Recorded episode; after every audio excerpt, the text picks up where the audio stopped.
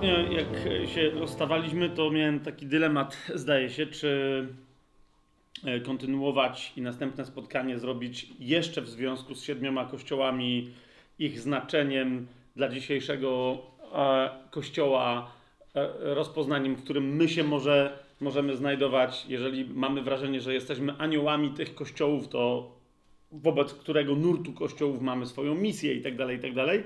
Ale też nie miałem pewności, czy czasem tego nie przenieść na koniec. E, z wielu różnych źródeł, w sensie wszystkie były duchowe, bo te tylko biorę pod uwagę, ale w sensie przez jednego brata, drugiego brata, trzecią siostrę. Na modlitwie zostałem przekonany, żeby dokończyć ten temat, i wtedy się uśmiechnąłem, bo zobaczyłem, e, że to jest siódme nasze spotkanie związane z Księgą Objawienia, więc e, siódemek nigdy dość, gdy chodzi o Biblię, zwłaszcza o Księgę Objawienia. Pomodlimy się na początek tylko bardzo krótko, e, bo myślę, że dzisiaj powinniśmy cały ten temat, e, w ogóle siedmiu kościołów, ale zwłaszcza dzisiejsze spotkanie raczej skończyć e, stosowną modlitwą. A jeżeli się mamy na początek pomodlić krótko, a skocznie, zwięźle i treściwie, to tak sobie pomyślałem, że jest taka piosenka, tylko nie będziemy jej śpiewać, bardzo was proszę, z różnych powodów was proszę, żebyśmy, bo miało być krótko, a skocznie, a to ona ani krótka, ani skoczna nie jest, tylko się ją śpiewa długo, ale jest taka piosenka, tak mnie skrusz, tak mnie złam, tak mnie e, wypal, Jezu, byś został tylko Ty, jedynie Ty. No i to jest krótki tekst, ale się go śpiewa tak długo, aż wszyscy się skruszą, spalą, złamią i zostanie tylko Jezus. Więc niektórzy, do, jak zaczęli, to do tej pory śpiewają.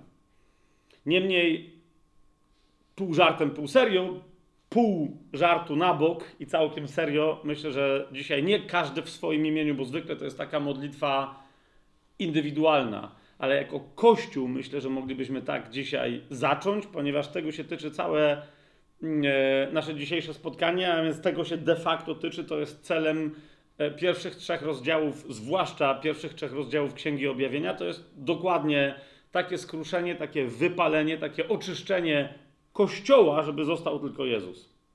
A więc, Panie, w imieniu e, Kościoła, jako Kościół, tu zgromadzony, jako Kościół, e, jako ci, którzy teraz w imieniu całego ciała Chrystusa rozważają tę księgę, e, wraz z tymi, którzy będą rozważać ją kiedy indziej, którzy już ją rozważali. W każdym razie dzisiaj nie pojedynczo, ale jako my, jako ciało Chrystusa wołamy tak nas skrusz, tak nas złam, tak nas wypal. Jezu, byś został tylko Ty, jedynie Ty.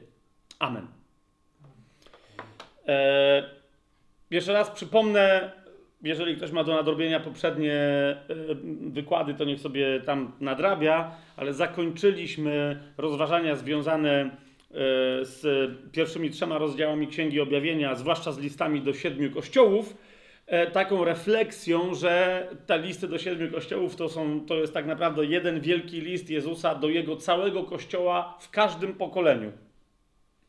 I on jest w pierwszej kolejności kierowany do kogo? Do aniołów kościołów, czyli do ludzi, których sobie zdefiniowaliśmy ostatnio. Jeszcze raz nie będę dzisiaj tego powtarzał, od tego było ostatnie szóste studium, których sobie zdefiniowaliśmy jako ludzi E, obdarowanych proroczo, po pierwsze, ale nie stricte proroków w rozumieniu pięciorakiej służby, ale proroków, strażników, którzy stają w wyłomie murów kościoła.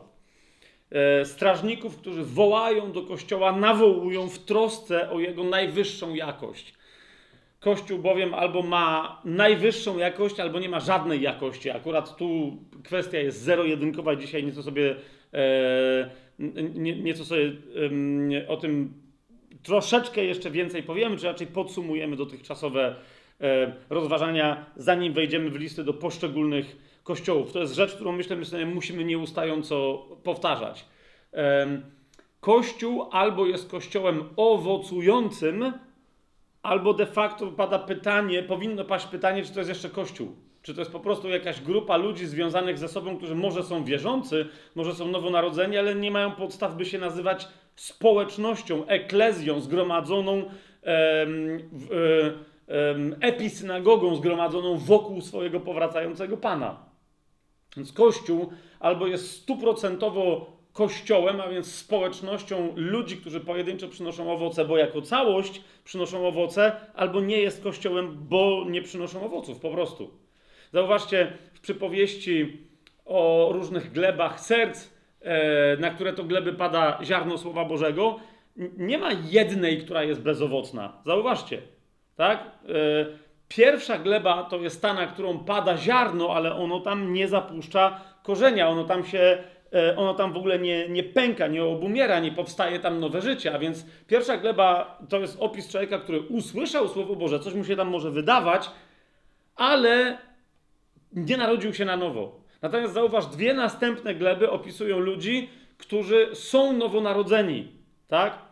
To, yy, więc jeżeli mamy z czterech gleb trzy gleby ludzi, którzy yy, są nowonarodzeni, z nich tylko jedna gleba to jest gleba kościoła. Rozumiecie? Dwie gleby to są ludzie, którzy mogą być poumiejscawiani w ławkach, yy, w strukturach, w relacjach z innymi ludźmi w kościołach, ale oni nie stanowią żywego kościoła, bo żywy kościół owocuje. Po prostu Jezus powiedział o tym wyraźnie. Zobaczcie chociażby przypowieść o krzewie winnym. Jak on mówi, mówi wyraźnie, co się dzieje, kiedy ktoś jest w krzewie winnym. Taki ktoś albo owocuje, albo ojciec musi się nim zająć w taki czy inny sposób. Albo jeżeli nie owocuje, to w ogóle nie jest w drzewie. To jest jeszcze inna kwestia. A więc yy, albo się jest. I teraz dopiero ta czwarta gleba e, rozumiecie, tam dopiero może się zacząć rozważanie, ona owocuje teraz, czy owocuje 30-krotnie, 60-krotnie, czy 100-krotnie, ale nie ma kwestii, czy ona owocuje. Ona owocuje. E, z Kościołem jest trochę tak, e, rozumiecie, obrazem owocowania w najlepszym rozumieniu tego słowa, płodności owocującej, jest, jest ciąża, tak? Jest poczęcie i sprowadzenie na świat nowego dziecka. E, jeżeli jest, masz małżeństwo e, e, i, i to małżeństwo ci mówi, że oni są w ciąży na 80%, to co to znaczy?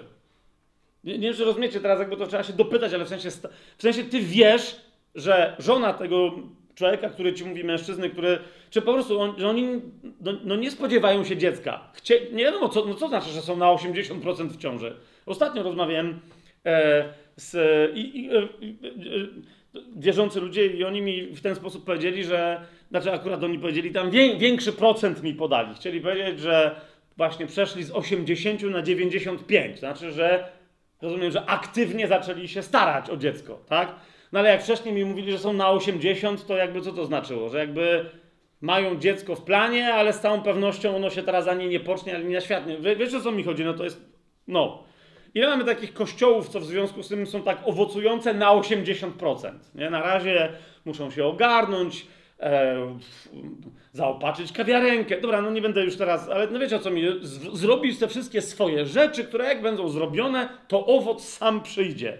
Często jest taka filozofia po kościołach wyznawana. No, no nie, no nie. No nie mamy nic innego do roboty, żadnego innego zadania, jak tylko owocować e, w Chrystusie. Od to wszystko.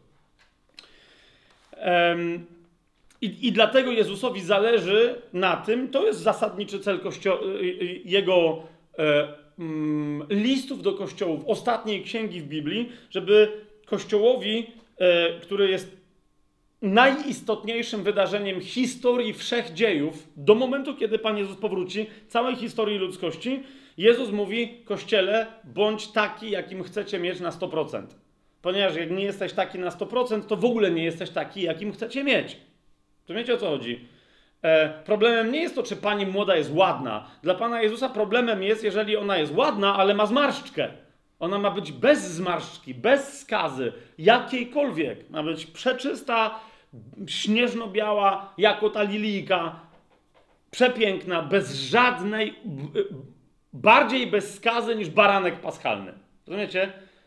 Baranek paschalny był, sprawdzało się go, czy jest bez skazy, ale Chrystus, jak jego zaczęli sprawdzać, okazało się, że on jest nie tylko bez skazy fizycznej, tak jak mm, baranek paschalny, ale bez żadnej skazy. On był do nas podobny we wszystkim, z wyjątkiem grzechu.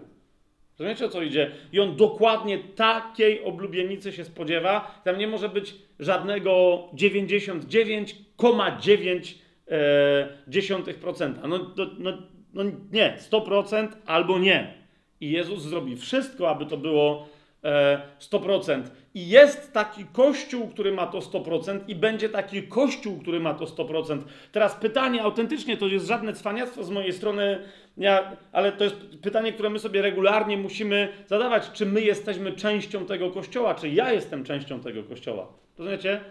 Cała reszta Księgi Objawienia od czwartego rozdziału E, aż do przedostatniego w zasadzie, bo ostatni wraca do pewnych tematów, ale cała reszta, która mówi o przyszłości naszej wciąż, czyli o końcu e, historii ludzkości tego wieku i, i tej ery, e, mówi tylko w zasadzie głównie po to, żeby Kościołowi przypomnieć, zobaczcie, po co wy jesteście. Nie wszyscy do, doczekacie do tych ostatnich chwil, do ostatnich podrygów starej epoki ale w każdym pokoleniu, dopóki nie umrzecie na przykład naturalnie czy jakkolwiek inaczej, jesteście odpowiedzialni, odpowiedzialni za to samo dzieło, a tym dziełem jest żniwo.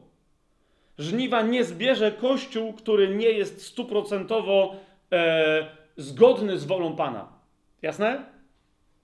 Więc e, dzisiejszy cel tego naszego studium to jest, to jest rozpoznanie różnych, siedmiu różnych nurtów kościoła, w jakich, w jakich prawdopodobnie w którymś z nich e, się znajdujemy, bo, bo nie ma więcej według Słowa Bożego, e, żebyśmy zlokalizowali swoje miejsce, w którym kościele jesteśmy, co możemy zrobić dla tego kościoła, co jest największym wyzwaniem, jak, jaki, jaki stawia Pan Jezus zarzut danemu nurtowi kościoła, a jakiego nie stawia i tak dalej. Po co? Abyśmy E, stali się skutecznie, nawet jeżeli ktoś z nas jest, nie wiem, w Laodycei, to nadal zauważcie, Laodycea jest kościołem, tak? I ma swojego choćby jednego, ale ma choćby jednego anioła. Ten jeden anioł to jest przezwyciężca. To jest ktoś, kto jest wierny. Cały kościół może nie być, ale jest tam chociaż jedna osoba. Dopóki ta jedna osoba tam jest wierna, to wciąż jest szansa dla tego kościoła. Jeżeli to jesteś ty, bracie, jeżeli to jesteś ty, yy, siostro, to nie uciekaj z tego kościoła, ale zlokalizuj go. Hej, ja jestem w takim kościele. Wtedy pytaj Pana, co mogę z tym yy, zrobić. Żebyśmy sobie płynnie weszli, kochani, w, te, w tych siedem listów. Mimo wszystko, jeszcze raz podsumujemy sobie cały kościół, bo to, jest, bo to jest, wiecie, siedem listów do siedmiu kościołów, do siedmiu aniołów, siedmiu kościołów. To jest tak naprawdę jeden list, wielki list jednego Pana do jego całego kościoła. Tak? Jak dzisiaj się zastanawiałem, jak zrobić w miarę szybko, w miarę krótko takie wprowadzenie, wyobraźcie sobie, że Pan mi zadał pytanie, które mnie trochę zatkało. I to jeszcze wiecie, po siedmiu latach nauczania Słowa Bożego, tak publicznie, oficjalnie, w ostatniej księdze, kiedy mówimy sobie o Kościele po tylu już nauczaniach stricte na temat Kościoła. I Pan dzisiaj powiedział, mówi, zadaj im pytanie, ale to było takie, zadaj im pytanie, ja sam dostałem pytanie, które brzmiało, po co w ogóle istnieje Kościół? Po, po... Zadaj im pytanie, ale na zasadzie zadam im pytanie, to muszę im odpowiedzieć. Ja nagle mówię, yy jakby to jest złożone, no i Pan Jezus mówi, nie, nie, to jest złożone, ale nie, to się da powiedzieć prosto. Fabian, już czas najwyższy powiedzieć to prosto. Ja bym chętnie 68 cytatów. Nie, nie, nie prosto. Po co? E, I pójdziemy tą ścieżką, którą mnie Pan dzisiaj przeprowadził. E, dlaczego? Bo jeszcze raz my sobie musimy przypomnieć, po co jest Kościół, żeby wiedzieć, co to jest Kościół, żeby zrozumieć, co my robimy w jego wnętrzu. Jasne? Otóż, kochani, pierwsza najistotniejsza rzecz.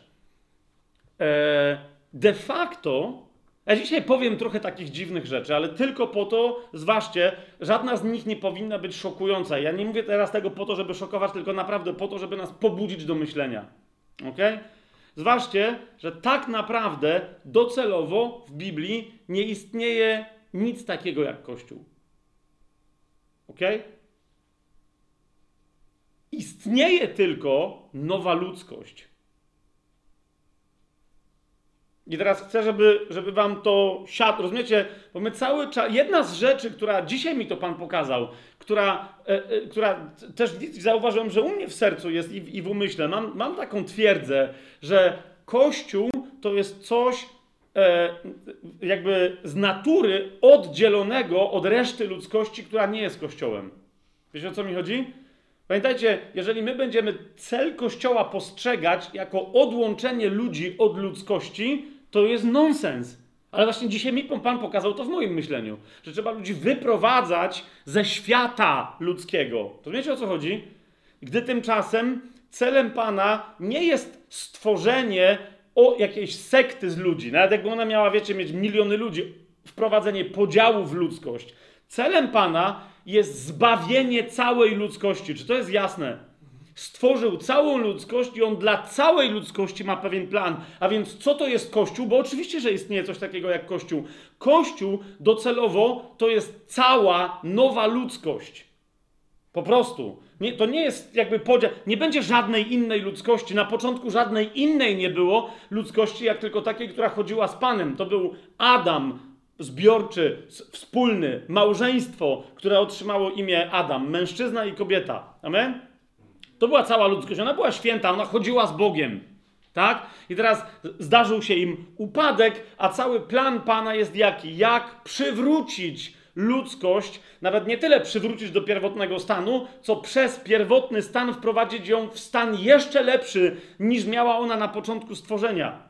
Na, bo na początku stworzenia ludzkość istniała fizycznie, mając ducha, który e, nie wyglądał jakby był gwarantowany na zawsze. Ale w momencie, kiedy pojawił się Chrystus na ziemi, my wiemy, że przeznaczeniem ludzkości jest życie na wzór tego Syna Bożego, który się objawił, a On żyje wiecznie. Amen? Zatem to jest wola Boża nie dla jakiejś e, wybranej części ludzkości.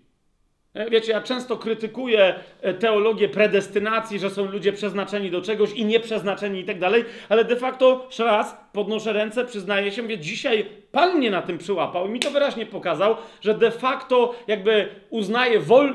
inaczej, wiem jaka jest wola Boża, że On chce zbawienia wszystkich ludzi, ale de facto sam w sobie z góry zakładałem, że no ale tak nie będzie. A Pan mi powiedział, że On walczy o każdego do końca i powiedział mi dzisiaj jeszcze raz wyraźnie, nie wiesz tego, prawda? Nie wiesz tego. W Księdze Objawienia w pierwszym y, rozdziale, zauważcie, to oczywiście my dzisiaj tego tematu nie będziemy rozważać, ale chcę wam go przypomnieć. Jak ludzie, wiecie, pytają, co z ludźmi, którzy poumierali gdzieś tam na świecie, a nikt im nie głosił Ewangelii, co z ludźmi, którzy w mojej rodzinie, na przykład w Polsce, byli zagorzałymi katolikami, w sensie zagorzałymi religijnymi, nie znali dobrej nowiny, umarli, czy jakimiś tam innymi komunistami i tak dalej. Mnóstwo takich rozmów w Polsce przeprowadziłem. I teraz co, i oni umarli, nigdy życia nie oddali Jezusowi, nie wyznawali wiary ewangelicznej i tak dalej. Co z nimi? Pamiętajcie, pierwszy rozdział Księgi Objawienia, 18 e, werset. Jezus mówi, że jest żyjący, chociaż był umarły. I mówi, oto żyje na wieki wieków i ja mam klucze piekła i śmierci. Okay? Nie ma takiej możliwości. Zasadą Bożej Sprawiedliwości jest, że każdy musi w sercu dokonać wyboru, czy wierzy Jezusowi, czy nie. Jeżeli nikt nigdy w życiu mu nie ogłosił dobrej nowiny, nigdy w życiu serce ludzkie nie stanęło, nie usłyszało dobrej nowiny i nie stanęło przed wyborem, oto kładę przed tobą życie i śmierć, błogosławieństwo i przekleństwo, wybieraj. Nigdy nie usłyszeli, że Jezus zmartwychwstał. Wiecie o co mi chodzi? To E, to nie ma takiej możliwości, żeby za sam taki fakt poszli do piekła. Rozumiecie? Nie. Słowo Boże w wielu miejscach dzisiaj, jak mówię, to nie rozważamy tego tematu, ale w wielu miejscach mówi, że Bóg każdego postawi przed tym wyborem. Nawet jeżeli by to miała być dosłownie ostatnia sekunda życia człowieka.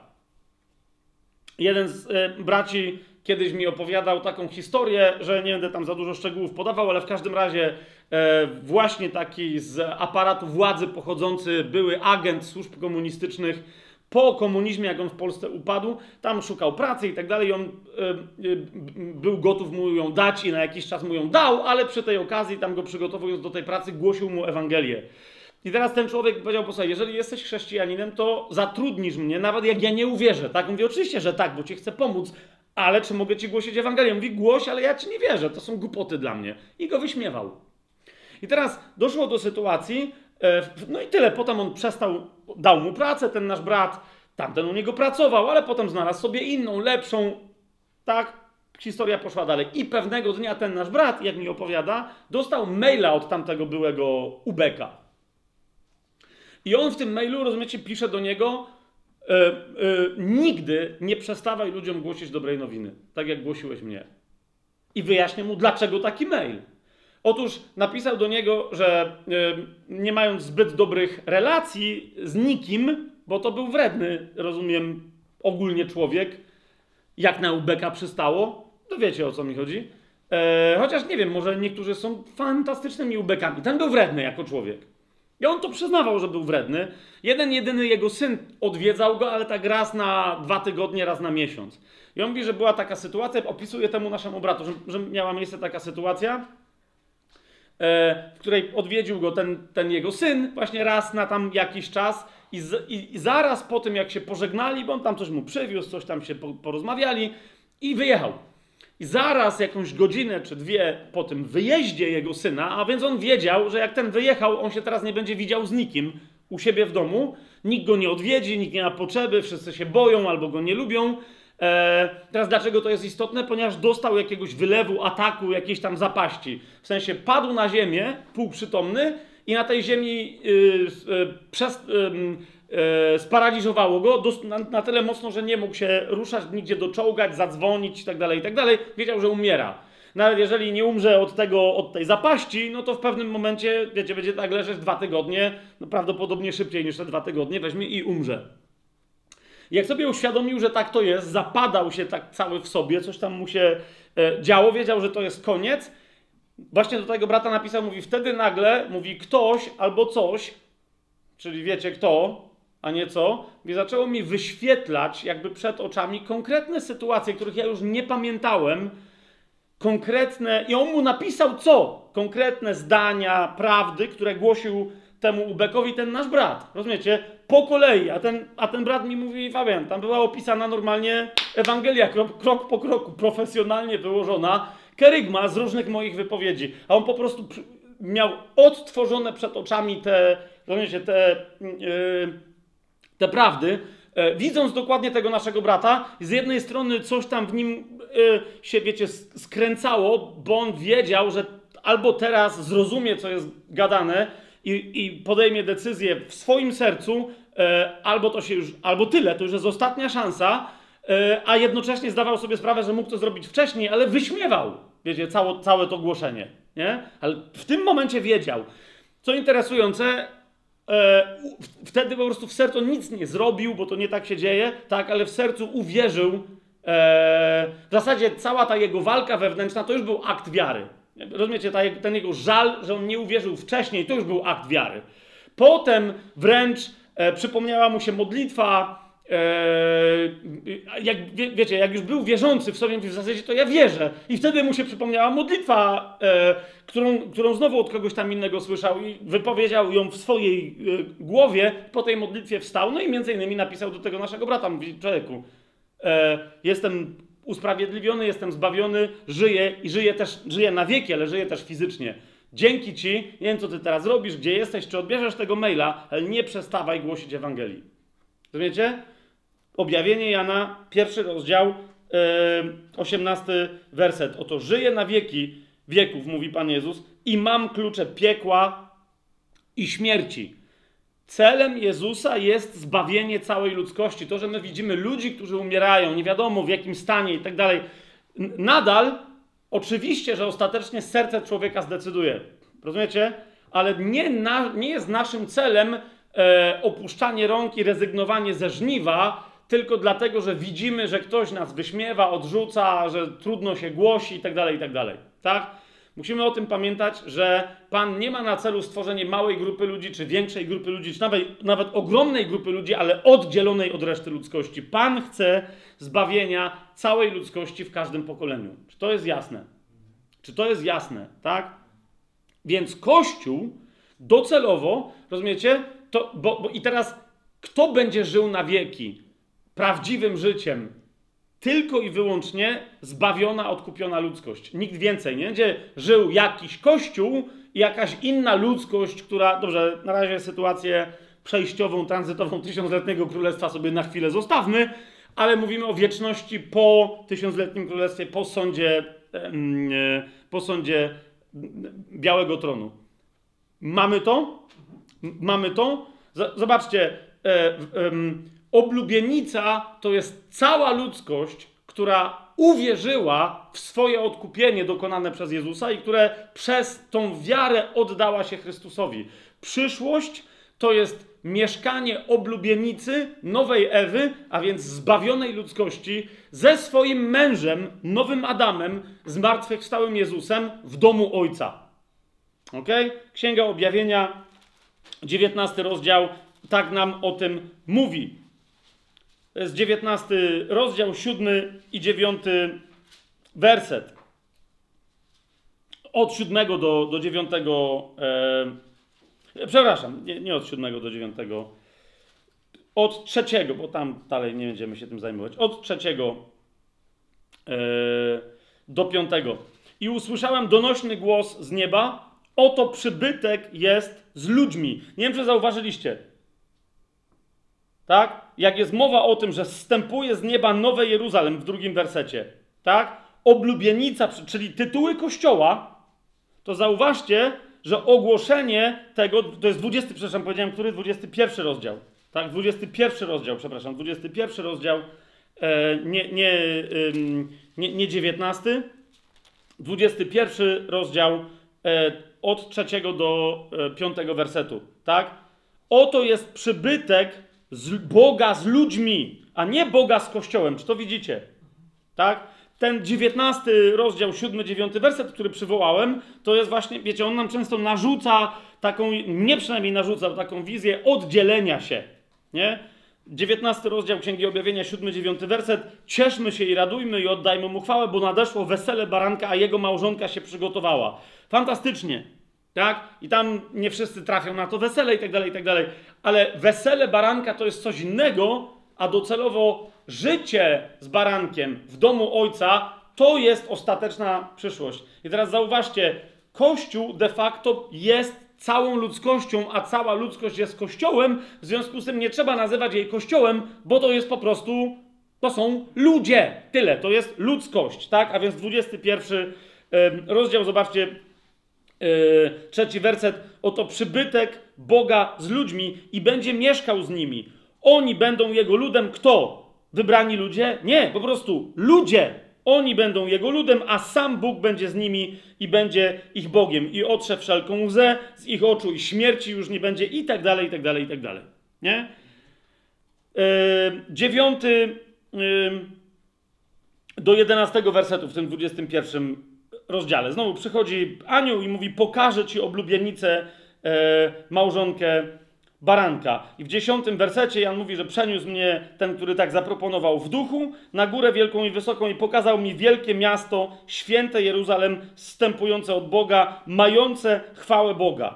Tak? To jest cała ludzkość, która ma chwałę Boga. Czy to jest jasne? Tak? Nie wybrana część ludzkości, na którą inna będzie patrzeć z jakąś zazdrością. Czy nie, nie, nie, czego. Nie ma żadnej innej ludzkości już wtedy. Powiecie, dobrze, ale co z tymi, którzy e, trafią do Gehenny, do jeziora ognia? To jest pytanie nie na dzisiejsze nasze rozważanie. Chodzi mi o to, że tam nie ma żadnej ludzkości. Nie? E, co to znaczy, to sobie wtedy odpowiemy, ale tam nie ma ludzkości. A mogą być dusze ludzkie, ale tam nie ma ludzkości. I o tym sobie kiedy indziej kiedy indziej powiemy. 22, 23 werset, zauważcie, ta nowa ludzkość e, nie ma żadnej świątyni, bo to jest 21 rozdział, 22, 23 werset, bo świątyni w nim, w pośrodku tego ludu, w pośrodku tego miasta, tak, nie widziałem, bo jego świątynią jest sam Pan Bóg Wszechmogący oraz baranek. A miasto to nie potrzebuje słońca ani księżyca, aby świeciły w nim, bo oświetla je chwała Boga a jego lampą e, jest baranek. 22 e, rozdział, jeszcze jak sobie otworzymy od trzeciego do piątego wersetu, i nie będzie już żadnego przekleństwa, lecz będzie w nim tron Boga i baranka, a jego słudzy będą mu służyć. Cała ludzkość będzie tylko i wyłącznie, rozumiecie, charakterystyką ludzkości będzie być sługami Bożymi. Ludzkość to, to będzie zbiorowość sług Bożych i będą oglądać Jego oblicze, a Jego imię będzie na ich czołach. Bardzo istotna rzecz. Do, do, do tego dzisiaj, do, do pewnych elementów, za chwileczkę wrócimy. Zauważcie, nie będzie tam, słudzy Boży mają znak na czole. Znak czego? No to za chwilę sobie ustalimy, ale to są lu ludzie, którzy mają znak ten na czole, oni koniec końców się tam znajdą. Nieważne, czy przejdą po drodze jakieś perturbacje, czy nie przejdą, ale się tam znajdą. Czy to jest jasne? A więc celem Pana jest oznaczenie ludzi, którzy mają pozostać ludźmi na wieki, tak? Którzy, e, dla których zrobił co mógł, a teraz jest tylko kwestia, czy oni mu siebie oddadzą przez wiarę, przez zaufanie e, jego dokończonemu e, dziełu krzyża. Jasne? Jasne? Dobrze. E, no i tam nocy tam nie będzie, oni będą królować na wieki wieków, to będą specyficzni e, słudzy. A więc, kochani, pierwsza rzecz, tak? Po co istnieje Kościół? E, Kościół to jest przeznaczenie ludzkości. Mówiąc krótko, to jest cel, jaki Pan ma dla całej ludzkości. To jest pierwsze. To nie jest wyjęcie ludzi z ludzi, tak? E, wszyscy e, mogą według zamysłu Bożego powinni być kościołem. To, że nie są, inna rzecz, że to, że dzisiaj jacyś ludzie nie są w kościołach, rozumiecie, to nie znaczy, że nie są w ciele Chrystusa. To jest jeszcze, to jest jeszcze inna rzecz, ale wciąż my nie o tym mówimy, o przynależności jakiejś organizacyjnej, ale o byciu usprawiedliwionym, o życiu e, życiem zbawionym. Teraz, kochani, po co, e, jaki Bóg ma plan dla nowej ludzkości? To jest bardzo istotne, tak? E, Bóg chce wprowadzić nas naprawdę w koło najbardziej zdumiewającego, fascynującego, zachwycającego, szalonego tańca miłosnego, w którym my będziemy uwielbiać Jego, a On będzie uwielbiać nas. Im bardziej On nas uwielbia, i, y, uwielbiał już, ale uwielbia i będzie uwielbiać, tym bardziej my będziemy uwielbiać Jego. Rozumiecie? Tak? Jak w najbardziej oszalałych, romantycznych opowieściach, najbardziej oszalali e, czytelnicy czytają od najbardziej oszalałych pisarek czy innych twórczyń. Albo odwrotnie, no wiecie o co mi chodzi. Nie chcę powiedzieć, że to kobiety są konsumentkami romantycznych opowieści, a piszą dla nich mężczyźni, e, więc celowo to odwróciłem. W każdym razie w liście do Rzymian czytamy, że tym, który postanowił nas kochać, uwielbiać, jest najpierw Bóg. Tak? To, to jest bardzo istotne. To jest Jego myśl dla nas. I teraz w momencie, kiedy my wchodzimy w to Jego uwielbienie, e, które wynika z miłości, to, to też my zaczynamy oddawać miłość Jemu, ale to musimy zrozumieć, że, on, że to wy, kołem napędowym jest Jego e, miłość. Kościół to jest nowa ludzkość zrodzona z miłości do miłości. Czy to jest jasne? Tak? A miłość wyraża się wielbieniem tego, kogo się kocha. I teraz zauważcie, kto wie, no Bóg jest miłością, tak? My od Niego otrzymujemy tę naturę, więc On też pierwszy wychodzi z akcją uwielbienia. Zobaczcie list do Rzymian, ósmy rozdział, wersety 29 i 30. Tych bowiem, których On przedtem znał, tych też przeznaczył, zwróćcie uwagę, do jakich rzeczy ich przeznaczył. One są bardzo istotne. Każda, każdy z tych elementów jest genialny do przestudiowania. Dzisiaj tego nie będziemy robić, tylko zobaczmy docelowo, gdzie to zmierza. Tych też przeznaczył, aby stali się podobni do obrazu jego syna, żeby on był pierworodny między wieloma braćmi. Tych zaś, których przeznaczył, tych też powołał, a których powołał, tych też usprawiedliwił, a których, których usprawiedliwił, tych też uwielbił. Zobaczcie, co to jest za słowo tutaj po grecku. Naprawdę. Uwielbił. I, teraz z tego, czyli on pierwszy to zrobił dla nas, tak? Teraz w tym kontekście z, z, wejdźmy w zrozumienie, e, chciejmy zrozumieć list do Efezjan, pierwszy rozdział, który nam powiada, to jest list do Efezjan, pierwszy rozdział, piąty i szósty werset, tak? Tych, których przeznaczył, tych powołał, usprawiedliwił, uwielbił. Tak? A skoro, rozumiecie, takie jest przeznaczenie, to my ostatecznie i tak odpowiemy tym samym, ponieważ wchodzimy w tę samą naturę. A zatem w liście do Efezjan w pierwszym rozdziale, w piątym, szóstym wersecie, y, jak nam Paweł opisuje przyszłość Kościoła, czyli całej ludzkości. Jaka jest wola Boża dla całej ludzkości? Przeznaczył nas dla siebie ku usynowieniu przez Jezusa Chrystusa według upodobania swojej woli. Porównajcie sobie to z tym fragmentem z listu do Rzymian, chociażby jaki dopiero co przeczytałem, e, ale dalej. Dlaczego? Dla uwielbienia chwały swojej łaski, którą On nas obdarzył w swoim umiłowanym, w sensie w swoim umiłowanym Synu. I w dwunastym wersecie tego pierwszego rozdziału listu do Efezjan jeszcze dalej czytamy, że on te różne tam rzeczy zrobił, powołał nas, przeznaczył, abyśmy istnieli dla uwielbienia Jego chwały. My, którzy wcześniej położyliśmy nadzieję w Chrystusie. Ale to jest Rozumiecie, to jest Jego wola dla całej ludzkości. W momencie, kiedy Ty przez Chrystusa wchodzisz w tę wolę, to to się dzieje. Ale to nie jest wola, rozumiecie, jako nagroda dla tych, którzy uwierzą za to, że uwierzyłaś w Jezusa, to w nagrodę, za to, że uwierzyłeś w Jezusa, to teraz w nagrodę. Nie, nie, nie. Kiedy uwierzysz w Jezusa, to, rozumiesz, to jest przeznaczenie dla całej ludzkości. To nie jest nagroda dla tych, którzy już są Kościołem. Czy to jest jasne? Tak? E, w pierwszym liście Piotra czytamy, jak go sobie otworzymy, e, w pierwszym liście Piotra w drugim rozdziale, w piątym wersecie, tak Paweł e, Piotr o tym pisze, pierwszy list Piotra, drugi rozdział, piąty werset. Wy sami, jako żywe kamienie, jesteście budowani w duchowy dom. Stanowicie święte kapłaństwo, aby składać duchowe ofiary przyjemne Bogu przez Jezusa Chrystusa. Kiedy już teraz, co to będzie znaczyło? Zauważcie, my w przyszłości będziemy sługami Bożymi, będziemy królami, będziemy współkrólować z Chrystusem i będziemy kapłanami, którzy będą współkapłanować z Chrystusem. Jest tak? Teraz e, zauważcie, że więc to, co my teraz mamy robić, to jest już wejście na drogę tego przeznaczenia.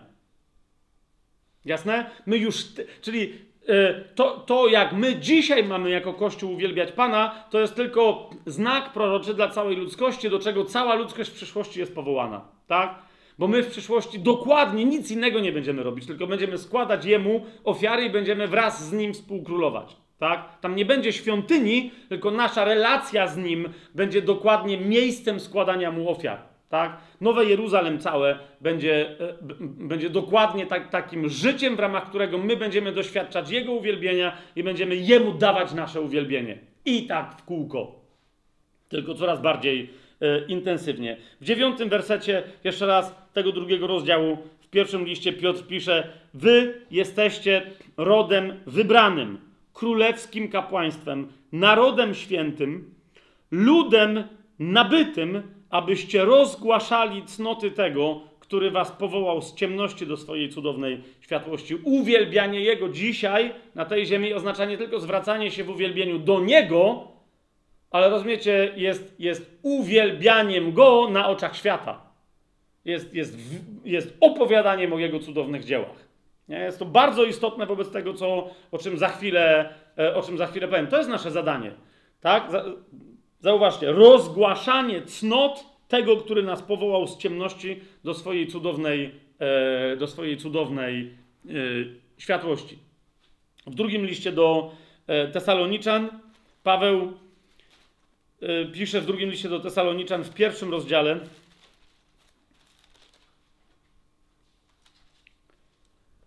Pan nam też przypomina, że dla całej ludzkości taka historia się zacznie po e, sądzie Białego Tronu, ale dla tych, którzy, e, którzy, którzy przyjęli zbawienie przed jego powrotem na ziemię, ta historia zacznie się już w momencie jego powrotu na ziemię. Nie? Zauważcie, e,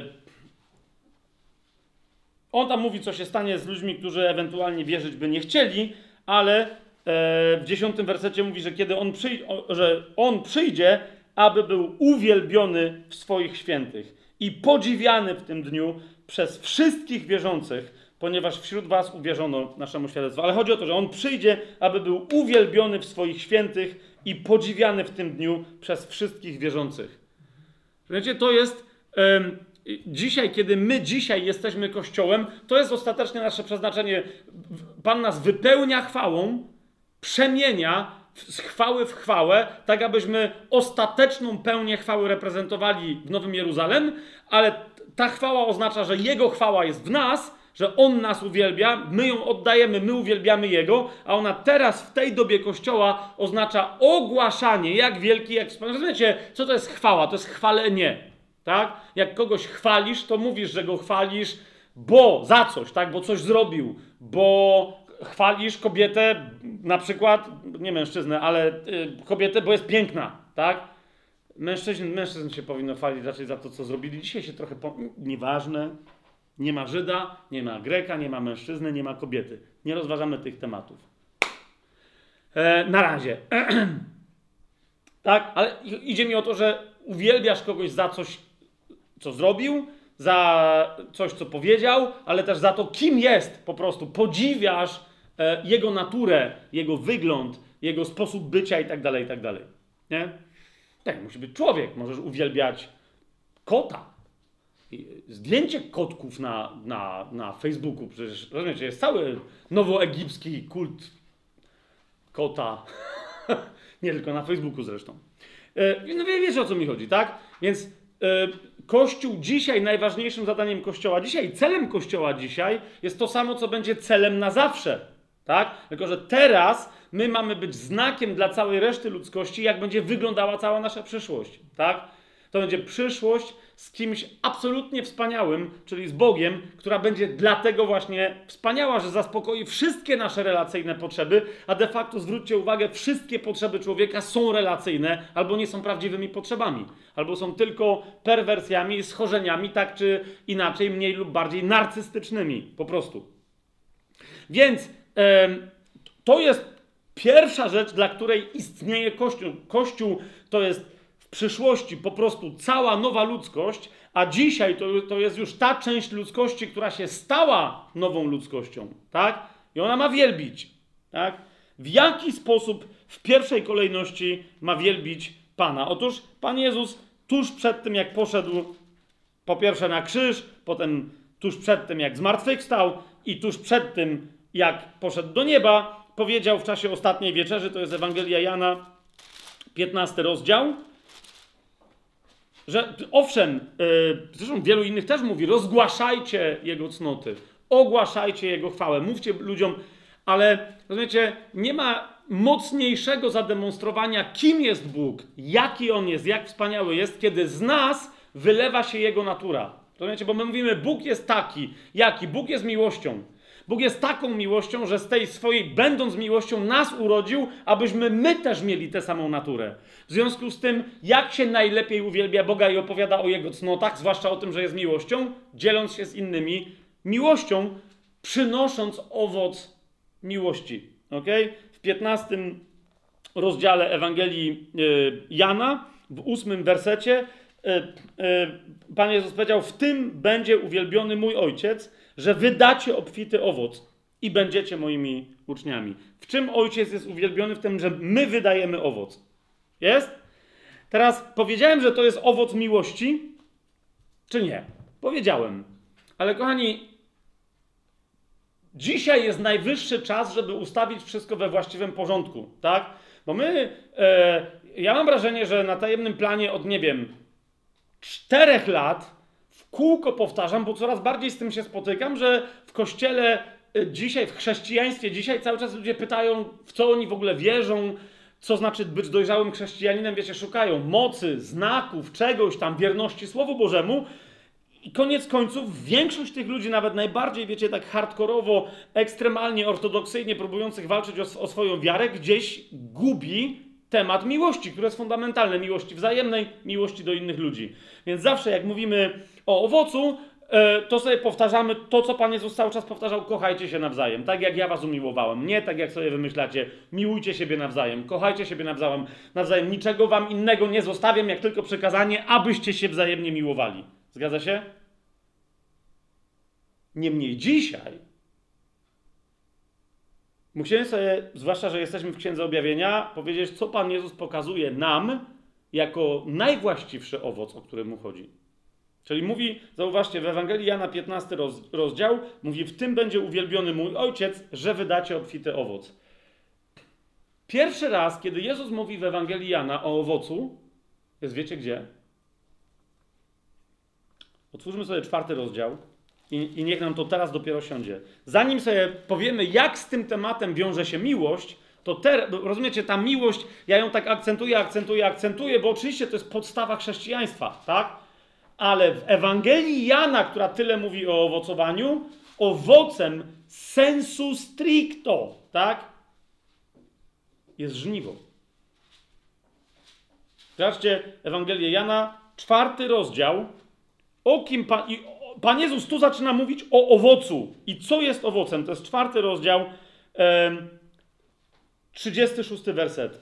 Kto żnie, otrzymuje zapłatę i zbiera owoc na życie wieczne. Widzicie to? A więc, a więc, dzisiaj wreszcie mogę to powiedzieć po tylu no, latach, nawet ostatnich, mówienia o tym, że owoc jest owocem miłości. Ale teraz zauważ, nie miłość jest owocem. Ok? Ale istnieje owoc miłości, to, że my mamy miłość, że ją kultywujemy, że ją rozwijamy i tak dalej, to miłość prowadzi do żniwa i żniwo jest właściwym owocem. Ludzie dają się przekonać miłości, bo się przekonują do miłości, to miłość im się głosi, to miłość ich nawraca. Bóg tak umiłował świat, że dał swojego jednorodzonego syna, aby każdy, kto w niego wierzy, nie zginął, ale miał życie wieczne. Widzicie, Bóg tak umiłował świat, miłość się objawiła, miłość ukochała ludzi, miłość się wylewa, miłość dała się przebić do krzyża dla naszego zbawienia za każdy z naszych grzechów, miłość zmartwychwstała. Miłość nam się tak udzieliła, że kiedy myśmy ją przyjęli, my zaczęliśmy siebie nawzajem kochać. I teraz, miłując siebie nawzajem, Bóg tam, gdzie my miłujemy siebie nawzajem, to ta owszem, to jest owoc, tak? Ale ta miłość prowadzi do żniwa i teraz zobaczymy jak. ok? Więc ona jest absolutnie kluczem, ale nie do końca celem samym sobie, bo on już by był, rozumiecie, celem inkluzywnym. Mógłby się zamienić w, e, w pewnym momencie, zdeformować w stronę nie, nie, niebożego inkluzywizmu, zamknięcia. Rozumiecie, już mamy swój kościół i teraz co teraz róbmy? Kultywujmy kochanie siebie nawzajem. Tymczasem to nie, bo, bo kultywowanie siebie nawzajem, takie, które nie wychodzi na zewnątrz z dobrą nowiną, jest niesłyszalne na zewnątrz, jest też, podej- rozumiecie, yy, szybko staje się podejrzane. Należy zapytać, czy ludzie, którzy mają zamkniętą grupę 10, 100 osobową, nie wiem, milion osobową, nieważne, ale która niespecjalnie, jakby wiecie, jest hermetyczna, czy oni naprawdę tam w środku miłują się nawzajem, czy, bo miłość zawsze tym się charakteryzuje, że dba bardziej o interes tych, którzy są na zewnątrz miłości i układu miłości, niż o, o, o interes swój. Jasne? Miłość, e, jakby powiedział Wiktor Emanuel Frank, jest transcendująca. Czyli zawsze jej interes jest na zewnątrz i jej natura jest tak, żeby wychodzić na zewnątrz tak? Żeby tworzyć coś nowego, kochające się rodzice, których miłość jest prawdziwie miłością, chcą mieć dzieci. To jest naturalna kolej rzeczy, tak? Nie mówię, że od razu, nie mówię, że coś tam na nikogo nie chcę niczego nakładać, ale to jest to. Naturalnie oni chcą mieć dzieci. Owocem miłości zawsze jest nowe istnienie, tak? Owocem miłości, w momencie, kiedy my mówimy, że, że kochamy, braci, siostry, siebie nawzajem, ludzie, którzy znajdą się w zasięgu naszej miłości, nawet kiedy nie są braćmi i siostrami, doświadczą jej jeszcze więcej niż nasi bracia i siostry. Jasne? Nie inaczej. A zatem, kochani, pierwszy raz, kiedy Jezus mówi o owocu, o owocowaniu, mówi, że ci zbierają owoc na życie wieczne, którzy żną, którzy są żeńcami, którzy biorą udział w żniwie. Ok? Teraz jak to się wiąże z miłością. Toż kolejny raz, kiedy Pan Jezus mówi e, o owocu w księdze e, w Ewangelii Jana, zobaczcie, to będzie interesujące. Pierwsza rzecz, tak, żeby stać się żeńcem, Pierwsza rzecz, ja teraz bardzo skracam całą dynamikę, ale to się cały czas odnosi do listów do siedmiu kościołów. Pamiętajcie, to jest tło każdego z listów, tak? Pan Jezus mówi, żebyś ty, kościele, był kościołem żeńców, bo wiecie, wielu jest zaproszonych, ale niewielu takich, którzy, yy, którzy zaproszenie przyjęli. Tak? Wielu jest powołanych, niewielu jest wybranych. Proście Pana żniwa, żeby posłał robotników na swoje żniwo. Zauważcie, bo niewielu jest takich. Wielu jest zdatnych do służby, bo są nowonarodzeni, ale nie wychodzą na żniwo. Proście Pana, żeby im nie dawał Kościołowi spokoju. Księga Objawienia to jest ostateczny wyraz miłości Chrystusa do Kościoła, który nie daje mu spokoju, tylko mówi: Kościele, wstań, Kościele, rusz do pracy, rusz po owoc. Jak mnie kochasz? Żnij. Teraz, żeby być żeńcą, który zbiera Jezusowi żniwo, a sobie owoc na życie wieczne, co się musi stać? Pierwsza rzecz to jest śmierć ego. Śmierć ego. Ewangelia Jana, 12 rozdział, 24 werset. Tam jest cały kontekst. E, swoją drogą zwróćcie uwagę, bezpośredni kontekst jest jaki? 23 werset 12 rozdziału Ewangelii Jana. Nadeszła godzina, aby Syn Człowieczy został uwielbiony. Widzicie to? Tak jak potem cała ludzkość w Nim zbawiona będzie uwielbiona przez Pana. Jest już uwielbiana. Nadeszła. Ale teraz co się dzieje? Zauważcie, znowu jest mowa o owocu. Amen, amen. 24 werset. Powiadam wam, mówi Jezus, jeżeli ziarno pszenicy swoją drogą e, pochwycenie, żniwo, zebranie kościoła, pamiętajcie, e, pszenica oznacza kościół e, w Nowym Przymierzu, tak? Czy to będą przypowieści Pana Jezusa, zasadniczo tam może być jeden czy drugi wyjątek, ale który nawet jest przez Słowo Boże zaznaczony jako wyjątek, ale zasadniczo Pan sieje pszenicę na ziemi, nie? Diabeł sieje konkol, tak? Jeszcze jest inne pytanie, skąd się w związku z tym bierze rodzaj ludzkości, który jest nazwany winem na ziemi, które będzie wyciskane i tak dalej, ale to jeszcze raz, to nie dzisiaj. Idzie mi tylko o to, że ziarno pszenicy, jest, które jest rzucone e, w ziemię, oznacza wierzące, oznacza Słowo Boże, które trafia w serce człowieka e, i ma mu przynieść nowe życie. Pszenica rosnąca to jest człowiek, który wydaje owoc, to jest człowiek nawrócony. Zrzęcie pszenicy, żniwa pszenicy to jest zrzęcie ludzi wierzących z ziemi, wzięcie ich z ziemi do ich ostatecznego przeznaczenia. Ja, jasne? I tu Jezus znowu e, do tego się odwołuje, ale mówi: Amen, powiadam wam, jeżeli ziarno pszenicy wpadłszy w ziemię, czy najpierw musi wpaść w ziemię, nie obumrze, zostanie tylko samo. Znaczy, nic się nie stanie, jeżeli ono nie wpadnie w ziemię i w tej ziemi nie obumrze. Nie? Oczywiście Jezus mówił najpierw, wiecie, o procesie swoim, że musi on być zmiażdżony, włożony do ziemi jak ziarno i on wtedy z martwych wstaje. Tak? Jeżeli się to nie stanie, to, ale wy też musicie przejść pełny proces śmierci razem ze mną, aby razem ze mną powsta powstać z martwych do, do, do, do życia wiecznego, także w sensie duchowym, tak? czego wyrazem jest chrzest ostatecznie. Ale on mówi, jeżeli ziarno pszenicy wpadłszy w ziemię nie obumrze, zostanie tylko samo. Samo zostaje, mamy w UBG tłumaczenie, tak? Ale chodzi o to, że on się nie pomnoży, nic się nie wydarzy. To nie jest w ogóle nowonarodzenie. Nowonarodzenie zaczyna się najpierw od śmierci pojedynczości tego, co jest istotne dla jednej osoby, która całą y, siłę życiową ma w sobie, ale jej nie zamienia musi ją poddać ziemi, ciemności, zgniliźnie śmierci. I co się wtedy dzieje? Jeżeli jednak obumrza wydaje obfity plon, a tu jest w oryginale greckim napisane wydaje obfity owoc. Jasne? Więc śmierć ego, przejście od ja do społecznego, kościelnego e, my, ciała Chrystusa, zbiorczej nowej Ewy, oblubienicy. Przejście tam, tam dopiero e, przy, e, przyniesiemy owoc. Dalej, w momencie, kiedy człowiek rezygnuje, teraz to, to, rozumiecie, to nie jest jednorazowa decyzja, ale de facto po to istnieje Kościół, to jest następny cel, tak? Mamy go uwielbiać. Uwielbienie e, on chce całą ludzkość przeprowadzić do miejsca uwielbienia, tak? Dlatego żniwo jest takie ważne w każdym pokoleniu. Naprawdę jest ważne zbawienie jak największej liczby ludzi. Każdy jest ważny, nie ma, nie ma kogoś nieważnego, tak? Ale teraz do tego potrzebujemy my doprowadzić swoje ego do śmierci i zacząć kochać. I Kościół, więc w następnej kolejności służebnie, aby osiągnąć owoc żniwa, aby osiągnąć owoc zbawienia całej ludzkości do pełni chwały, potrzebuje dojrzewać. Okay? Bo to niektórzy uważają, że jak jednorazowo wpadną w ziemię, to jest tyle. Bo przeszli jakiś trudny okres, pokutowali, zwłaszcza na początku swojej drogi duchowej, i potem, no i to już jest tyle. Teraz jest już hip, hip, hura. Nie Kościół musi zadbać o dojrzałość. Zobaczcie, jak Kościół definiuje e, w jednym z najpotężniejszych pism na temat natury Kościoła, czyli w liście do Efezjan, e, Duch Święty przez Pawła jako ludzkiego autora. Mówi o tym, że Kościół, zwłaszcza nawet nie tyle Kościół, co pięcioraka służba w Kościele.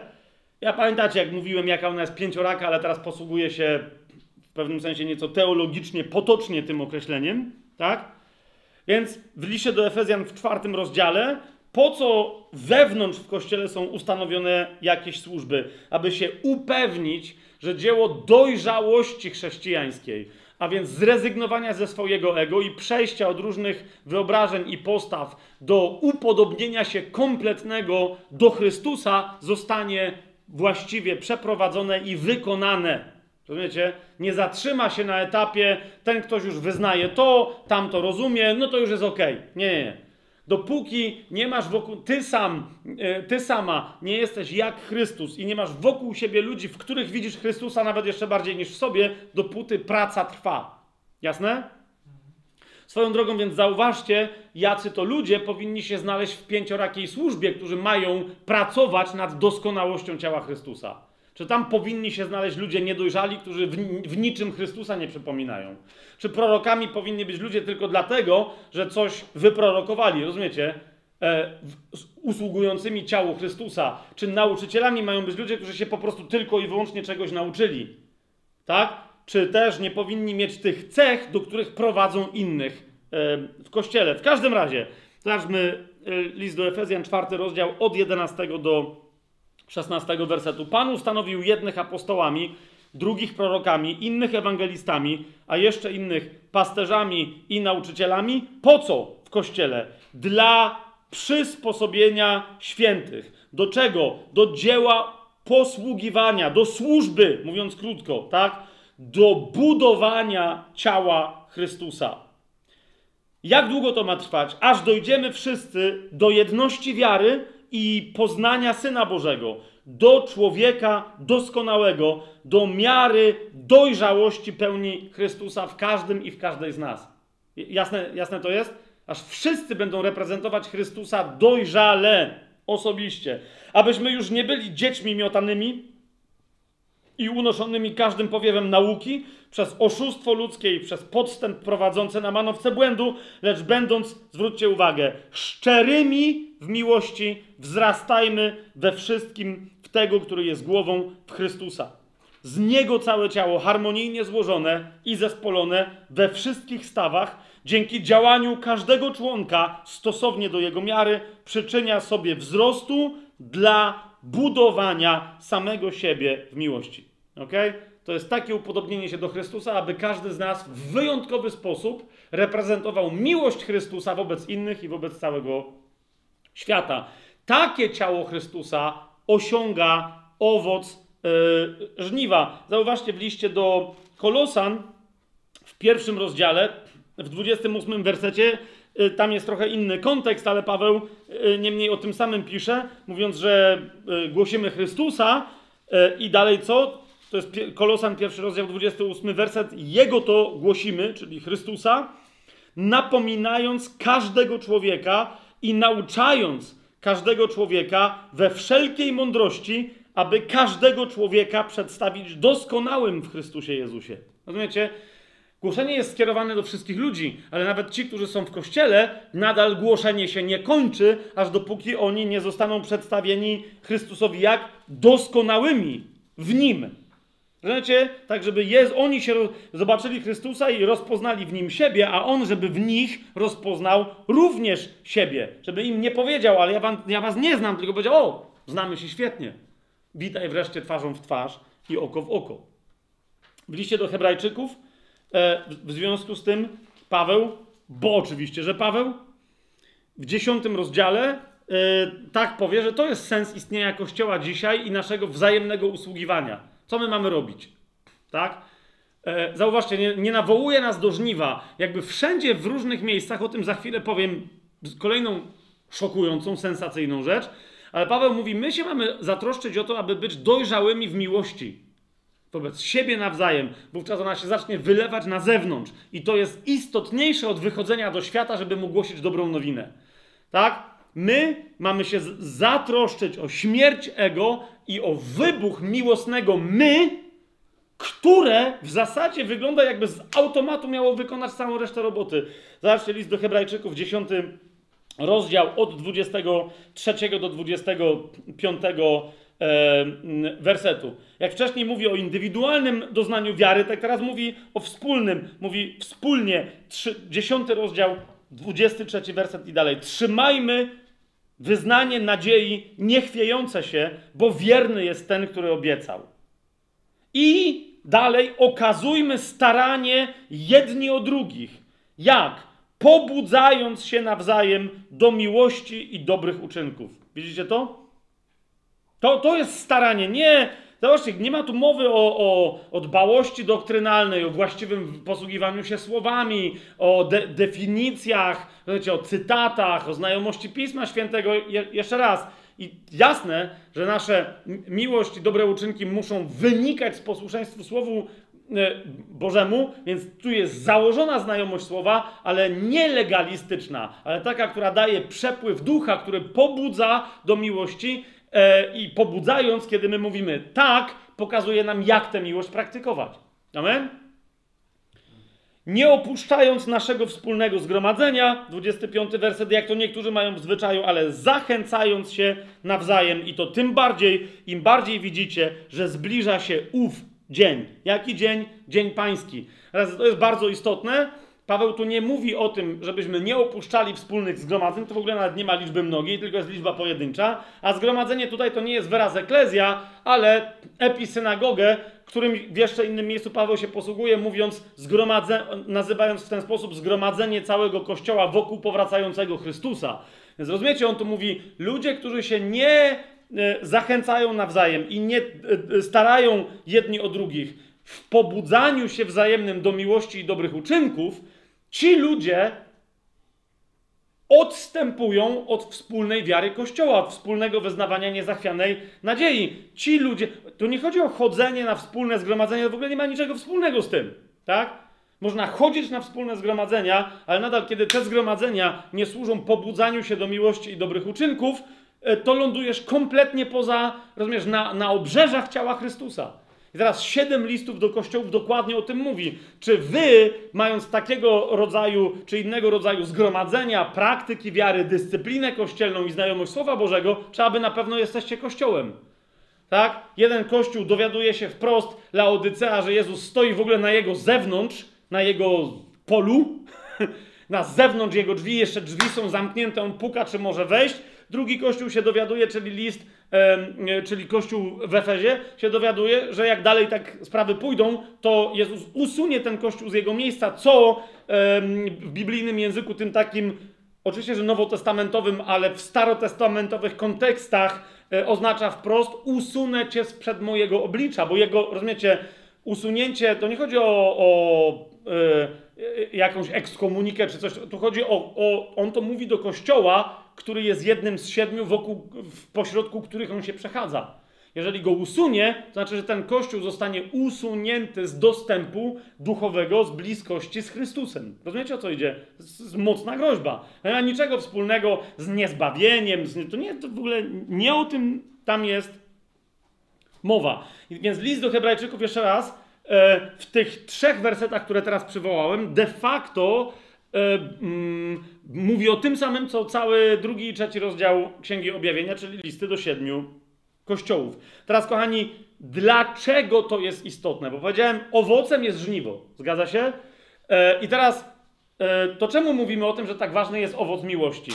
Skoro miłość powoduje E, tylko jakby scalenie Kościoła, rozpoznanie, kto jest prawdziwie w ciele Chrystusa, kto przynosi owoce indywidualnie.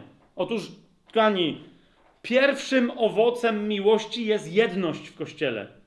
A bez jedności nie ma żniwa. Dlatego rozumiecie, owocem docelowo jest żniwo, a więc dotarcie do całej ludzkości, ale kochani, choćbyśmy się spieli e, jak żaba w bajce Foucault, spieli pośladki, mm, nadymali się e, jak murzynek Bambo e, u Tuwima.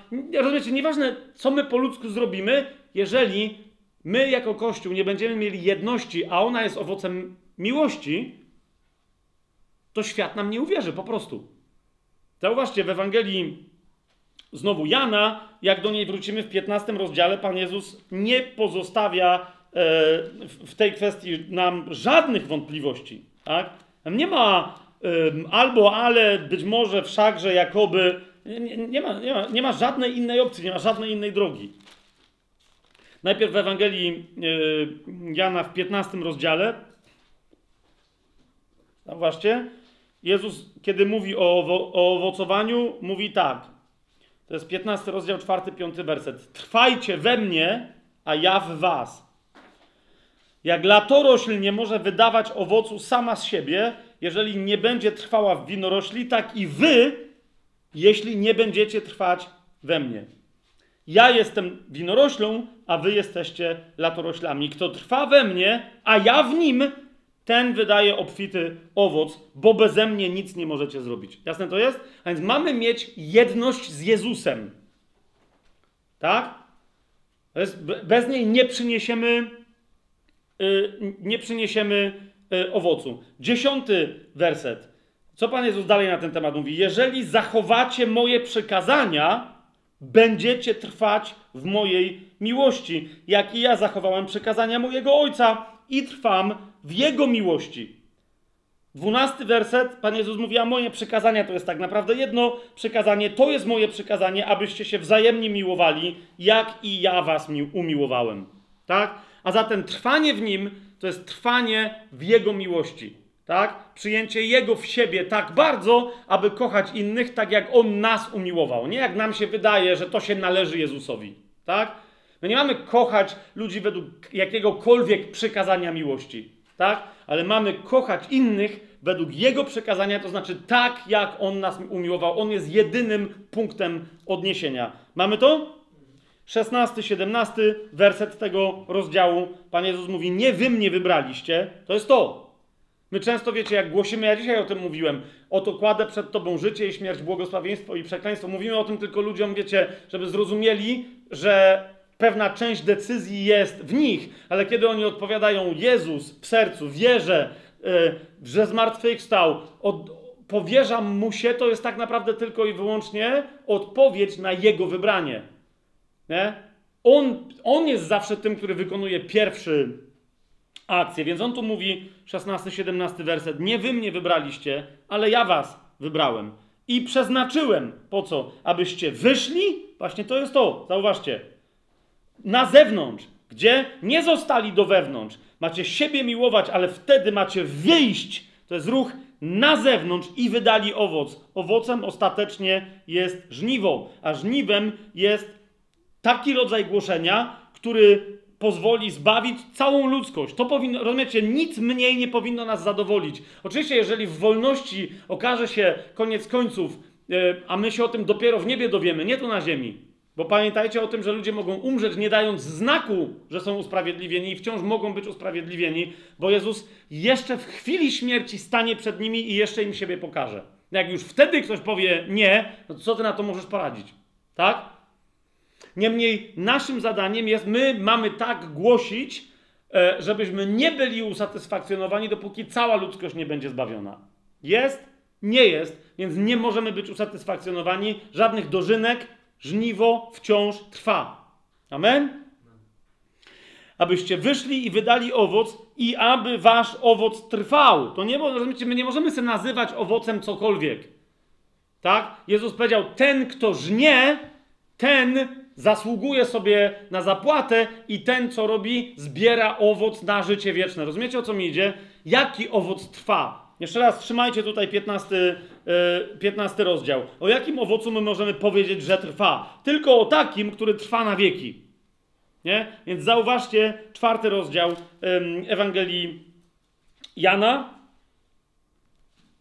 36 werset. Ten, kto żnie, ten otrzymuje zapłatę i ten też zbiera owoc na życie wieczne. Tylko żeńca zbiera właściwy owoc. To jest jasne? Teraz, czy ja teraz wołam, że w związku z tym wszyscy wylegnijmy i e, głośmy Ewangelię, im więcej ludzi zbawisz? Zwróć uwagę, zwróć uwagę, zbliżam się do bardzo kontrowersyjnego punktu. Bo Jezus jak mówi żniwo, to potem naucza, że owocowanie polega w zasadzie tylko i wyłącznie na kochaniu się. Kochanie nas zawsze wyprowadza na zewnątrz, ale zauważcie, że Jezus nigdzie, nigdzie nie mówi, żeby głosić Ewangelię w jakiejśkolwiek formie. Ja nie mówię, że on w ogóle tego nie mówi, ale na razie nigdzie nie mamy, mamy mowę o żniwie, która jest wynikiem miłości W jaki sposób? Bo miłość daje jedność. Ok? Jedność. Może, kochani, może to jest moment, żeby to powiedzieć. Powiem, powiem te kontrowersje, e, aby potem powiedzieć jeszcze następną rzecz. Otóż osobiście uważam, i mówię to do ludzi, słuchajcie mnie w duchu, tak? Zaraz wyjaśnię co, jak, ja, ale jakkolwiek, jeżeli teraz ktoś mi wytnie to, co teraz powiem, to dopiero wyjdzie, że właśnie wyjdzie z heretykiem. Nie? Sami zobaczcie, co pomyślicie, jak ja teraz powiem. Otóż osobiście uważam, że nigdzie w Biblii, nigdzie nie ma ani jednego miejsca, które by nas nie tylko, że zobowiązywało, e, ale w ogóle sugerowało, że mamy głosić Ewangelię. Nigdzie nie ma mowy o tym, żebyśmy głosili dobrą nowinę.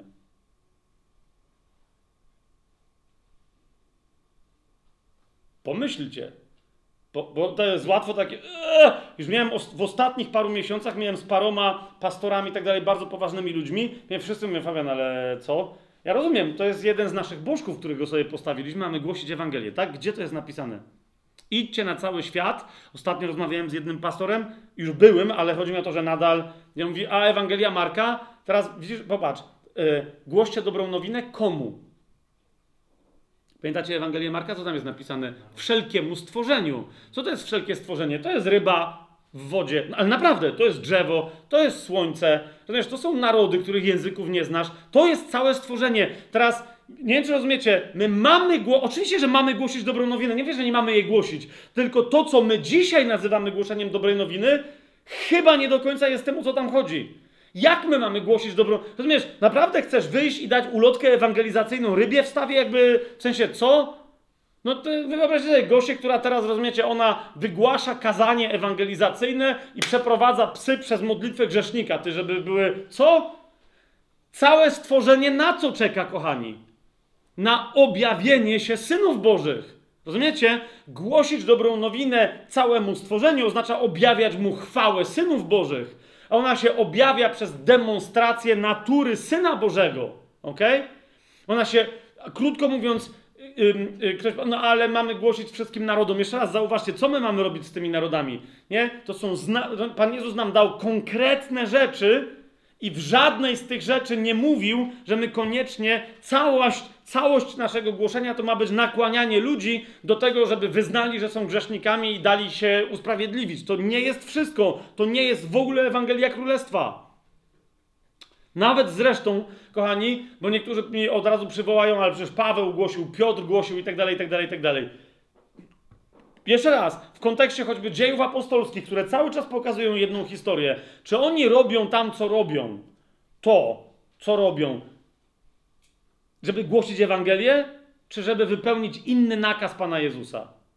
Pan Jezus powiedział: Otrzymacie moc z wysoka i co, i będziecie głosić Ewangelię? Nie, będziecie moimi świadkami.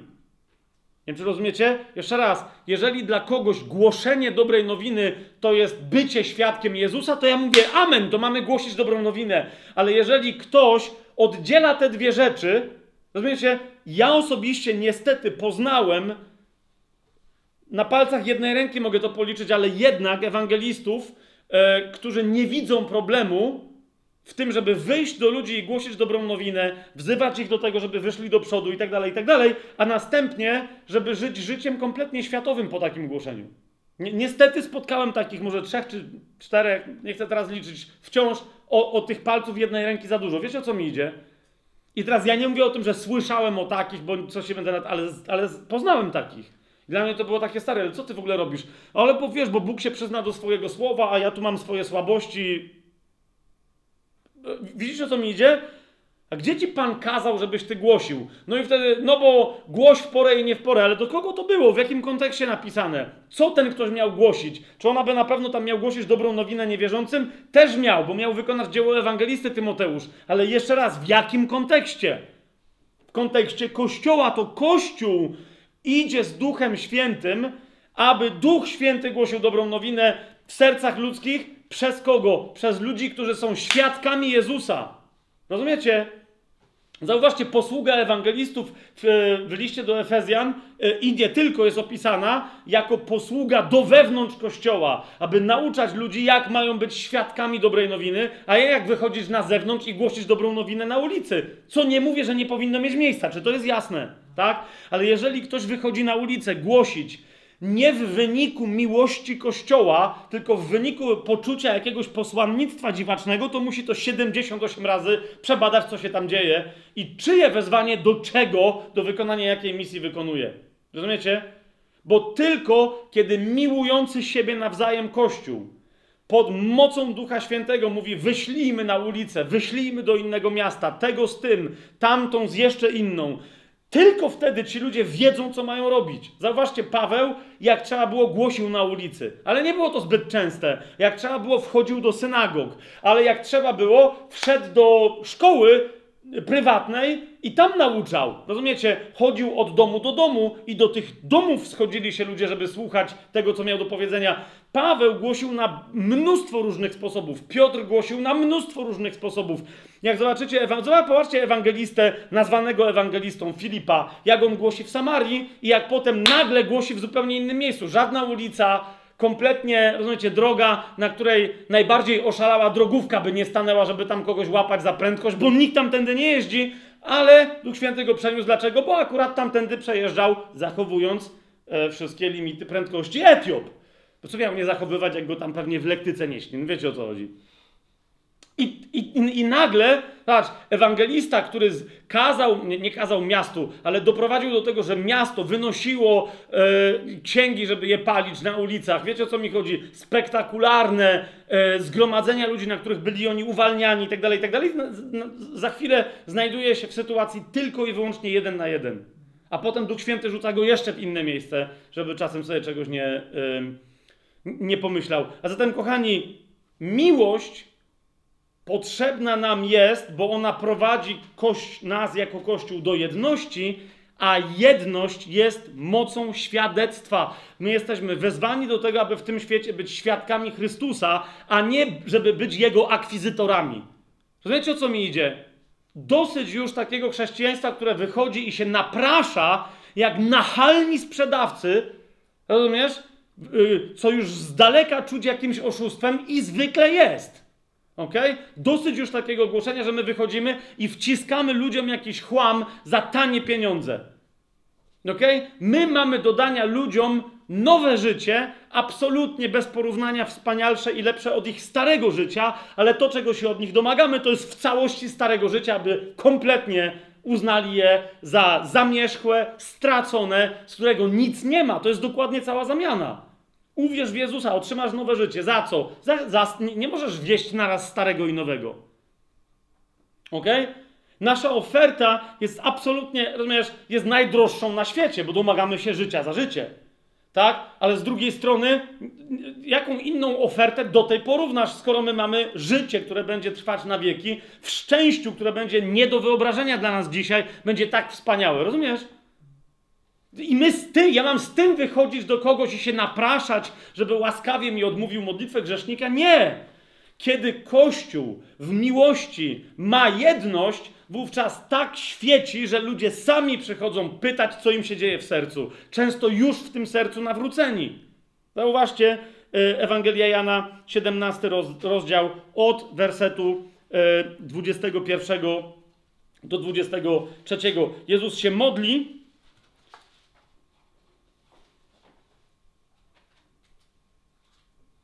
za uczniów, z którymi jest i za wszystkich e, uczniów następnych pokoleń nawróconych dzięki ich świadectwu. Zauważcie, jak brzmi jego modlitwa. Od 20 wersetu nawet. Nie tylko za nimi proszę, ale i za tymi, którzy przez ich słowo uwierzą we mnie. Rozumiesz, to jest mowa też o tobie i o mnie. Przez ich słowo aby, po, po co? Żeby co się stało? Żeby następni też byli zapaleni i gorliwie głosili? Zobacz, nie, aby wszyscy byli jedno. Jak? Nie po ludzku. Nie jak rozumiecie, e, ludzie twierdzą, że się zjednoczyli na, nie wiem, marszu Tuska, na e, miesięcznicy PiSu. Wiecie o co mi chodzi?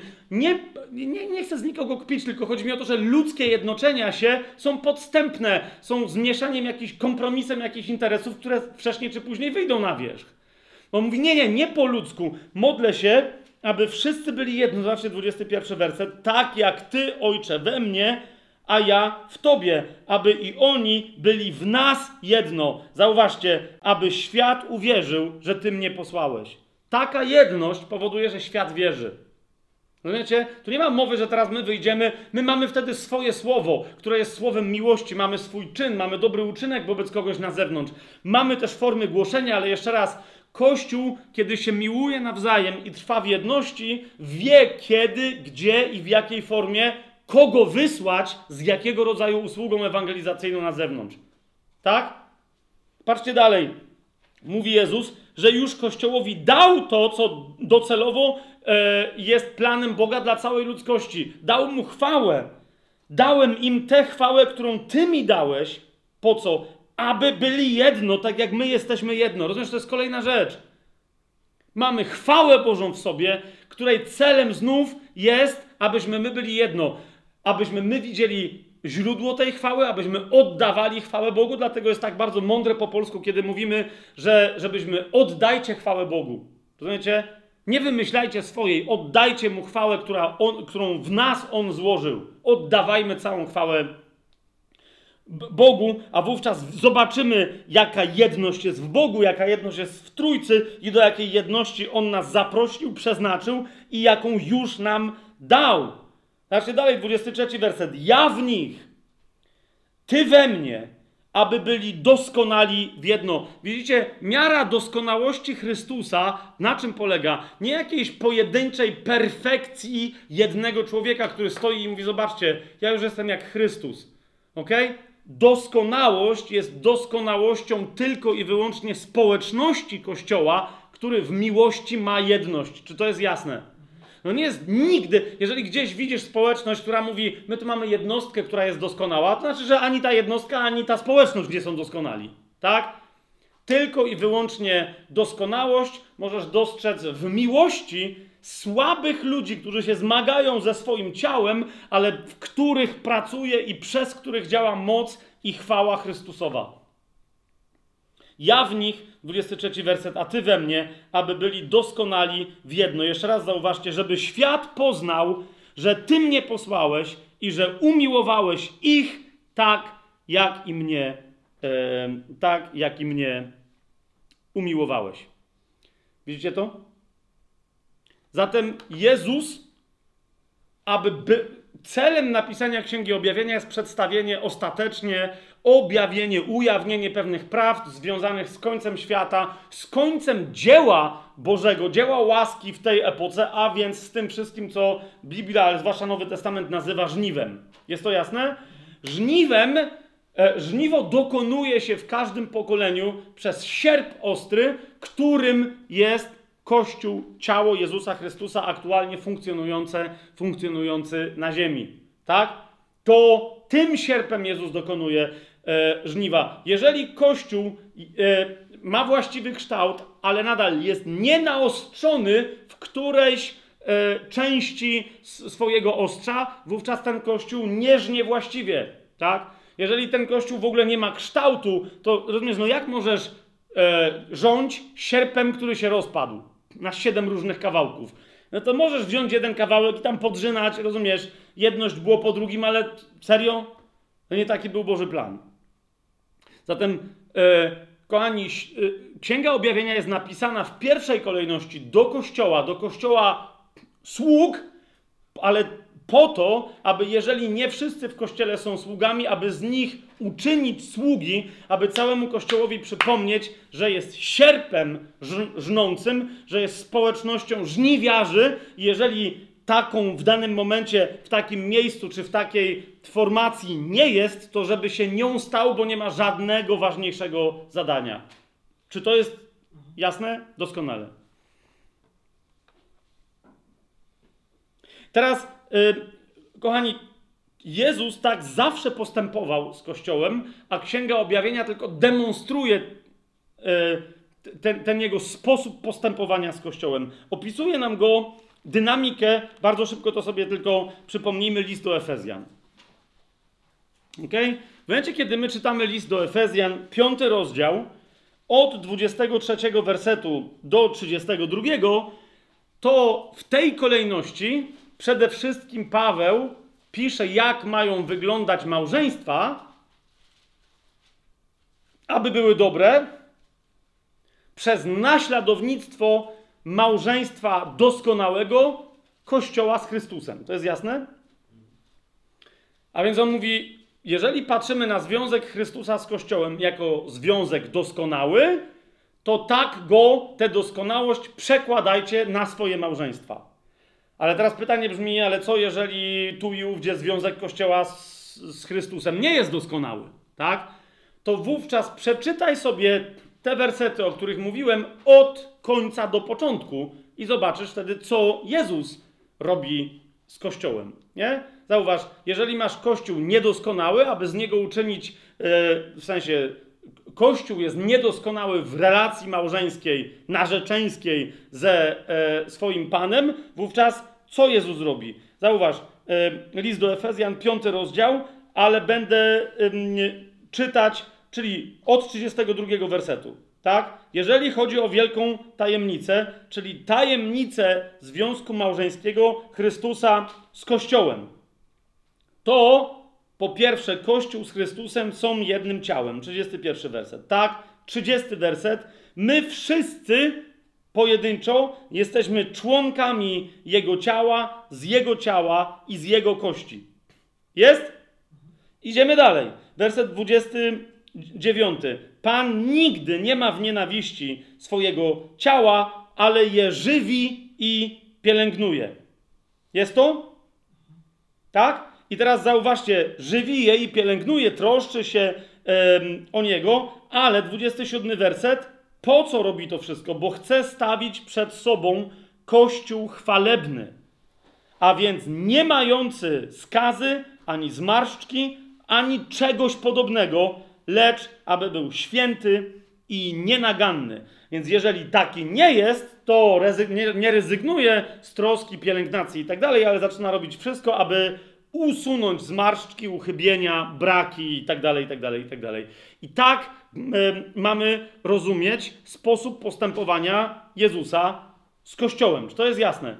Piotr w swoim prostym sposobie przekazu y, dokładnie tę myśl, że Jezus musi tak postępować z Kościołem, wyraził. I kochani, y, zasadniczo to, co teraz przeczytam, to jest sens listów do siedmiu kościołów. Okay? W każdym pokoleniu.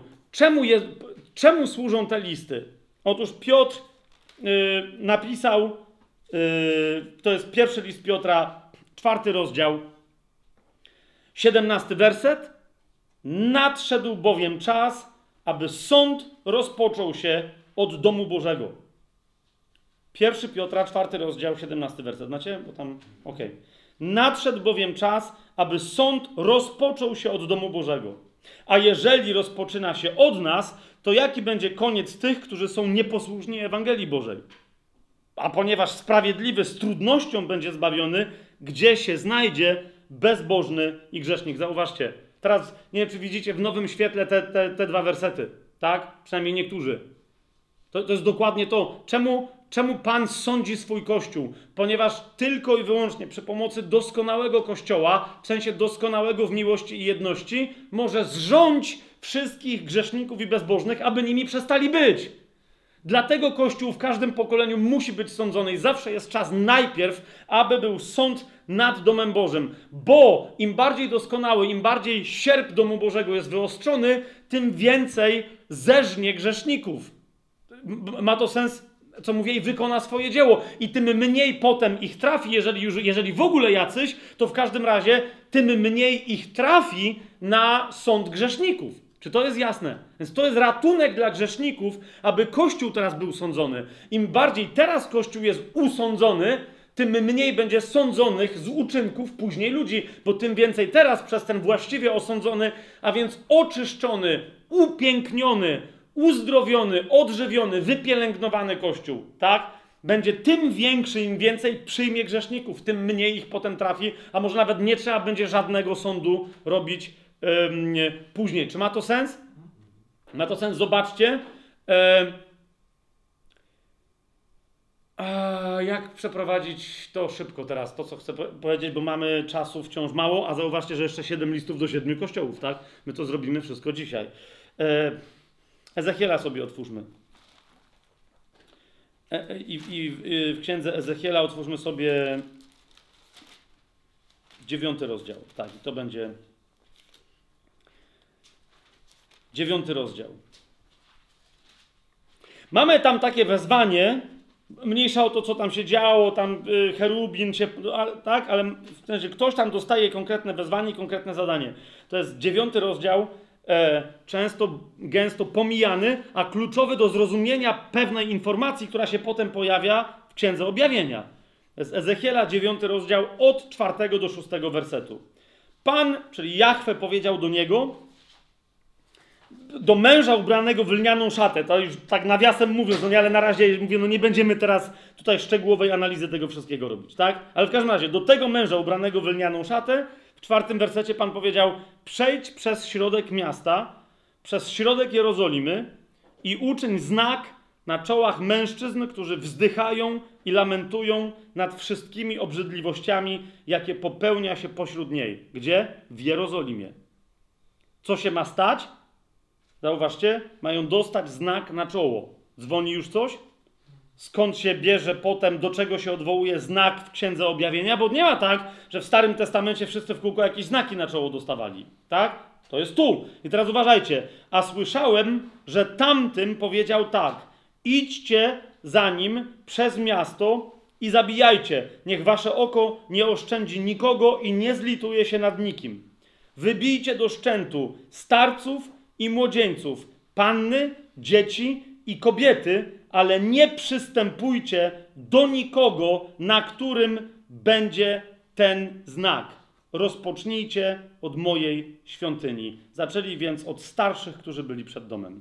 Rozumiecie? Wszyscy egzegeci, poważni, nie będę teraz przeprowadzał całej ja teraz analizy, bo możecie sobie znaleźć stosowne komentarze, mówią wyraźnie, że Piotr, kiedy mówi, że sąd ma się zacząć od domu Bożego, nie ma żadnej innej możliwości, żeby się do czegokolwiek odwoływał, tylko ten fragment. Ponieważ wyjście, co to jest sąd nad domem Bożym? To jest opieczętowanie wybranych, którzy lamentują nad stanem e, Jerozolimy, starej Jerozolimy, i którzy wychodzą, aby pokazać, że albo się żyje ze znakiem Pana na czole, albo się umiera bez tego znaku. Czy to jest jasne? To jest dosyć tutaj, tu nie chodzi o to, że tu ktoś, no dobra, mniejsza o to, co, co się tutaj działo i kto kogo zabił, co, co się tu naprawdę wydarzyło, a co się wydarzyło symbolicznie. Nie będziemy teraz tego robić, ale to jest sąd nad domem pańskim. Rozumiecie? Zacznijcie od mojej świątyni. Piotr odwołuje się dokładnie do tego fragmentu, tak? A ten fragment mówi, że sąd oznacza ustalenie, kto ma dostać znamię na czoło, e, a kto go nie chce przyjąć, a w ten sposób wybiera swój los. Zauważcie, w Księdze Objawienia my następnie czytamy, to jest Księga Objawienia, siódmy, e, Księga Objawienia, siódmy rozdział. Tam się mają pojawić zawodnicy, którzy mają wyrządzać szkodę, tak? Ale zauważcie, czego się oni dowiadują. To jest Księga Objawienia, siódmy rozdział, trzeci werset. Nie wyrządzajcie szkody ziemi, ani morzu, ani drzewom, dopóki nie opieczętujemy sług naszego Boga na ich czołach. Jasne? Tamci mieli być oznakowani w Starym Testamencie, tak? Żeby oddzielić, kto to są, zauważcie, kto to są ci ludzie. Zwróćcie uwagę, że, że e, u Ezechiela to są namnożeni stający w wyłomie. To bo oni zawodzą, ubolewają nad postępowaniem Jerozolimy. Zauważyliście? Oni dostają pieczęć. To są aniołowie Jerozolimy, tak jak aniołami następnie kościołów mają być ci, do których w pierwszej kolejności są adresowane listy. Tak? Teraz inni mają być też tacy wybrani. Kto ma jeszcze w sobie taką, takiego ducha, taką postawę? Oni mają być opieczętowani. Teraz zwracam wam od razu uwagę e, na to, że za, zauważcie, diabeł zawsze jedyne co wymyśla, to parodię Boga. E, bierze od niego pomysły i albo je e, robi z nich e, karykaturę, albo po prostu powstaje mu niechcący karykatura, bo nie wie o co chodzi Bogu. W Księdze Objawienia to jest bardzo interesujące, że bestia naznacza ludzi swoim znakiem, tak? I za każdym razem e, mowa e, e, w języku greckim, zwłaszcza Księga Objawienia, posługuje się innymi określeniami, innym zwłaszcza jednym określeniem, niż kiedy jest mowa o oznaczeniu sług pańskich. Nie? Jest bardzo istotne. Otrzymanie znamienia bestii, czy znaku zwierzęcia i tak dalej, to jest to nawet w, sensie słownikowym e, nie ma niczego wspólnego z tym, jak Bóg oznacza swoje sługi. Tu w Księdze Objawienia to oznaczenie zostało nazwane opieczętowaniem. Widzicie to? A nie oznakowaniem. B- Zwierzę znakuje swoich wyznawców dokładnie tak, jak się znakuje zwierzęta. Rozumiecie? Tu nie. To jest rodzaj zapieczętowania. To jest pieczęć, która oznacza, nikt nie może tknąć tego. To ma swojego właściciela, a tym właścicielem jest najmocarniejszy z mocarnych. Po prostu to jest znak bezpieczeństwa. Nie? Najpierw tych zapieczętujcie, a wtedy wyrządzacie szkodę wszystkiemu, czemu tam chcecie szkodę wyrządzić. I jeszcze raz, w 14 rozdziale Księgi Objawienia, w pierwszym wersecie czytamy i zobaczyłem, a oto baranek stał na górze Syjon, a z nim 144 tysiące tych, którzy mieli imię jego ojca wypisane na czołach. Co jest pieczęciem? Pieczęcią, zauważcie. Tak, bo to jest. E, jeszcze raz, znowu nie będę teraz pokazywać, może kiedy indziej, ale- ale jeszcze raz, to jest paralelizm, to jest adekwatna sytuacja. Co, kim są ci zapieczętowani? Tak? To są ci, którzy mają imię ojca na czołach. Nie? Teraz zwróćcie uwagę, e, że to nawet nie jest imię baranka. Kto może iść za barankiem? Ten, kto ma imię ojca na czole. Ok? Ża- nie ma. To jest to. Jak. Y, jeszcze raz zobaczcie y, Ewangelię Jana, 17 rozdział.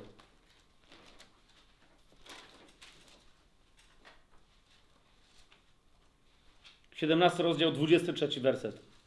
Ja w nich, a ty we mnie, aby byli doskonali w jedno. Widzicie to? Ja w nich, ale Jezus w nas wnosi z sobą Ojca w nas. Dlatego w innym miejscu w Ewangelii Jana mówi, że ja przyjdę z moim Ojcem i będziemy u was zamieszkiwać. Tak? Jest dokładnie, nie ma, nie ma ża- ciało Chrystusa jest zjednoczone, jest jedno ciało, bo jest jedna wiara, bo jest jeden chrzest, jest jeden duch, ale wszystko to dla jednego Ojca, w jednym Ojcu, przez jednego Ojca. Od jednego Ojca z powrotem do tegoż jednego Ojca. Mamy to? Ewangelię Jana, e, jak już tu jesteśmy sobie, e, otwórzmy jeszcze rozdział e, szósty.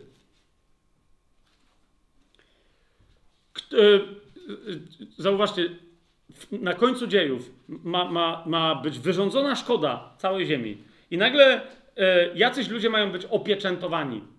Zro- Zrozumcie, to nie jest jakieś e, hermetyczne, e, dziwaczne, ezoteryczne stwierdzenie, nie wiadomo co to oznacza. Wszyscy tam mają być rozpoznani i potraktowani tak jak pewien pierwowzór. Czyli jak kto? Jak Jezus. Pierwszym opieczętowanym na ziemi, opieczętowanym imieniem Ojca był Jezus. Jeszcze raz.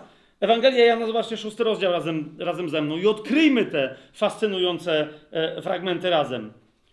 Szósty rozdział, 27 werset. Jezus mówi: Zabiegajcie nie o pokarm, który ginie, ale o pokarm, który trwa ku życiu wiecznemu, który wam da syn człowieczy. Jego bowiem zapieczętował sam Bóg Ojciec. Nie? On jest pierwszym zapieczętowanym przez Ojca. To jest pieczęć imienia Ojca. To jest mój syn. Zapieczętowany przez, e, przez Ojca. I dlatego, rozumiecie, zapieczętowani przez Ojca to są ci, którzy mówią naprawdę Ojcze nasz, który jesteś w niebie. Nie mówią Ojcze nasz, ale w sercu mają Ojcze mój, ale w zasadzie to Ojcze Jezusa, którego tylko chcę wykorzystać w ramach swoich różnych próśb do realizacji moich celów, tylko ci, którzy wołają Ojcze nasz, ponieważ są Jego synami i przez to usynowienie mają pieczęć. Ok?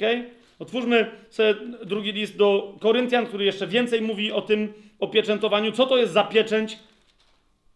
Tak, tam, tam, tam ci aniołowie się dowiadują, pozwólcie duchowi dokończyć jego dzieło, bo tym, który pieczętuje, jest duch. Zobaczcie drugi list do Koryntian, co tam mamy napisane w pierwszym, yy, yy, w pierwszym rozdziale. Okay? Pierwszy rozdział 21 i 22 yy, werset.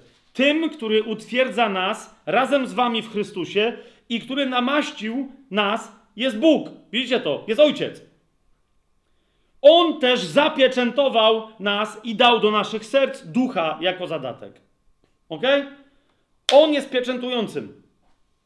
I on daje zadatek ducha, ale za chwilę się też dowiemy, że tą pieczęcią jest duch sam sobie. W liście do Efezjan, w pierwszym rozdziale, e, w trzynastym wersecie, czytamy: W nim i wy położyliście nadzieję, kiedy usłyszeliście słowo prawdy, Ewangelię waszego zbawienia. W nim też gdy uwierzyliście, zostaliście zapieczętowani obiecanym Duchem Świętym. Ojciec pieczętuje duchem tych, którzy są Jego dziećmi, a więc w momencie nowonarodzenia to nie ma mowy o, e, o chrzcie Duchem Świętym, który nas posyła jako świadków. To jest coś, co my otrzymujemy, czego nikt nie może nam odebrać. Okay?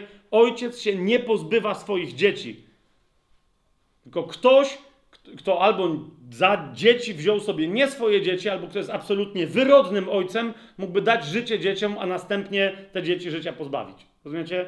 Koncepcja, że Bóg, który usprawiedliwia, miałby odebrać dzieciom nowonarodzonym, usprawiedliwienie jest koncepcją, że Bóg, który dał życie, ojciec, który dał życie dzieciom, następnie je im odebrał. Nie ma niczego bardziej diabolicznego jak tego rodzaju, e, jak tego rodzaju wierzenie.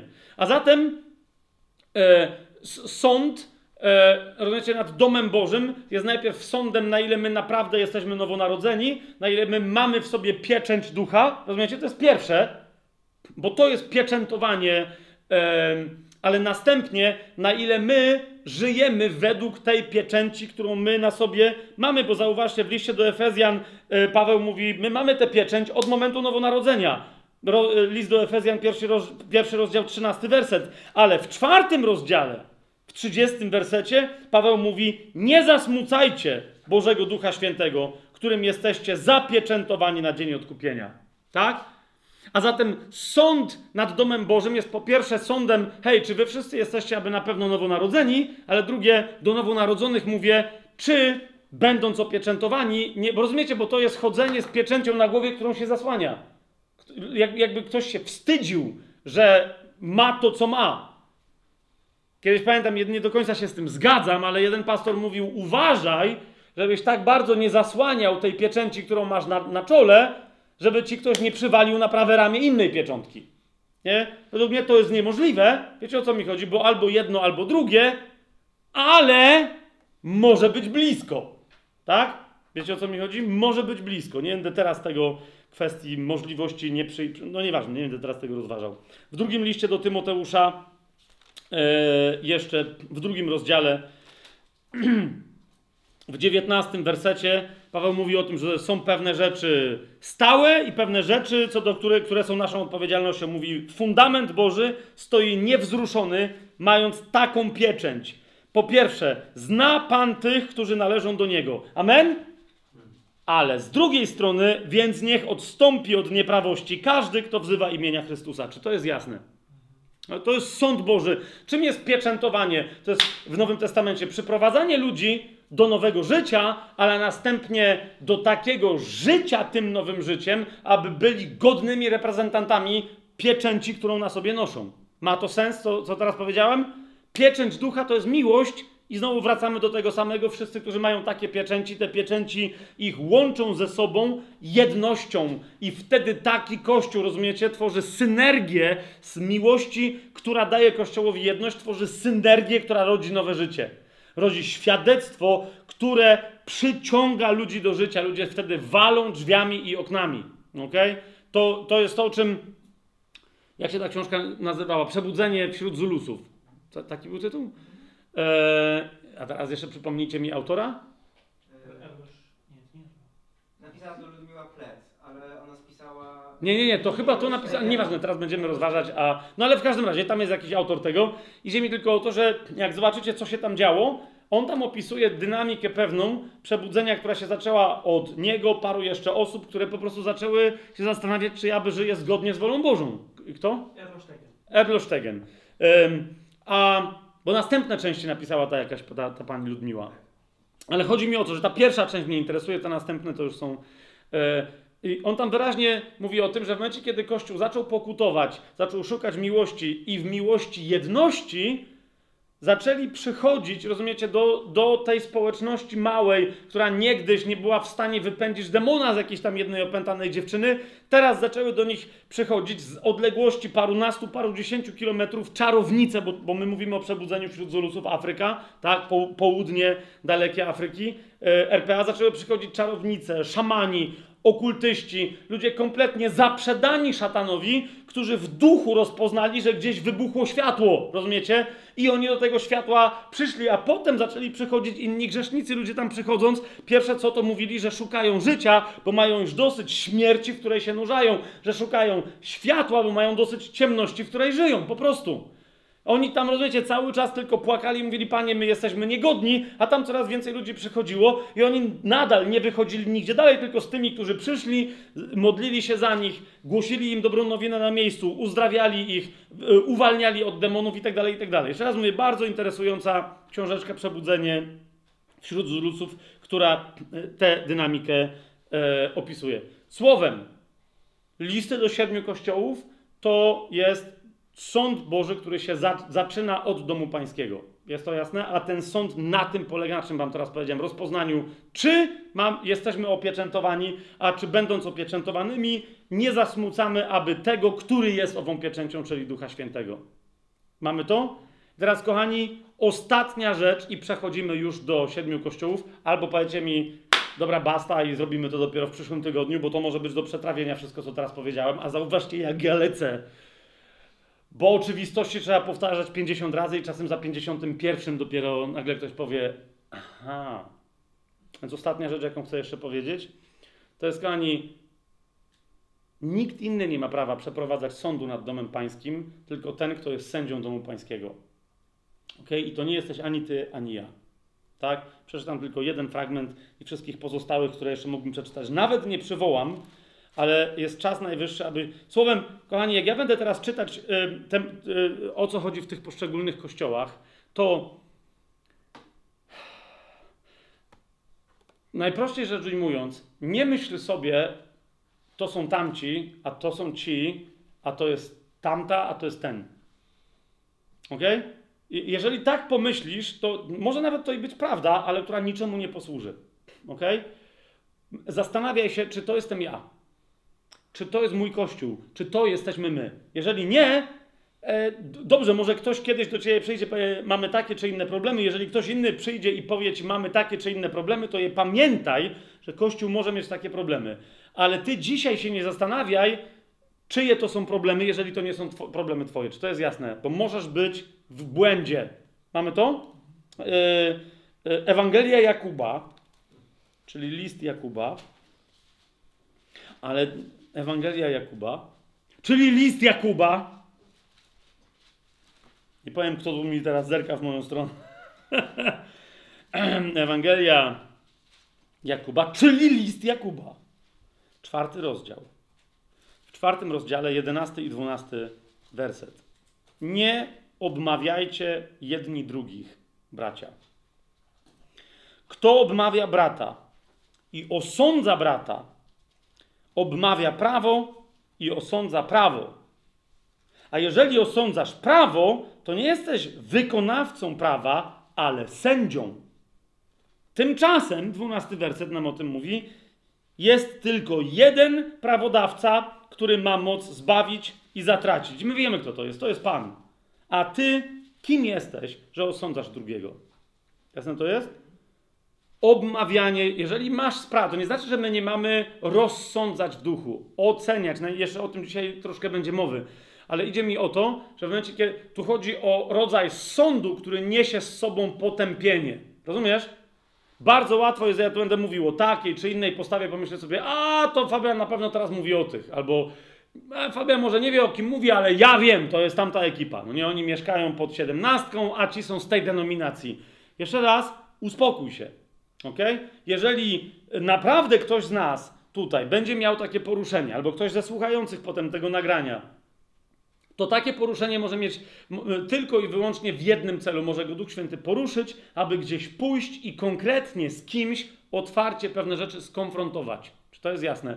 Jeżeli nie masz w sobie takiego wezwania, to pamiętaj taka myśl, kiedy się zaczniesz zastanawiać, a to, to są na pewno ci, to, to jest na pewno tamta konkretna osoba, to znaczy, że to jest rozproszenie, e, w najlepszym przypadku pochodzące od ciebie, w najgorszym wprost pochodzące od diabła. ok?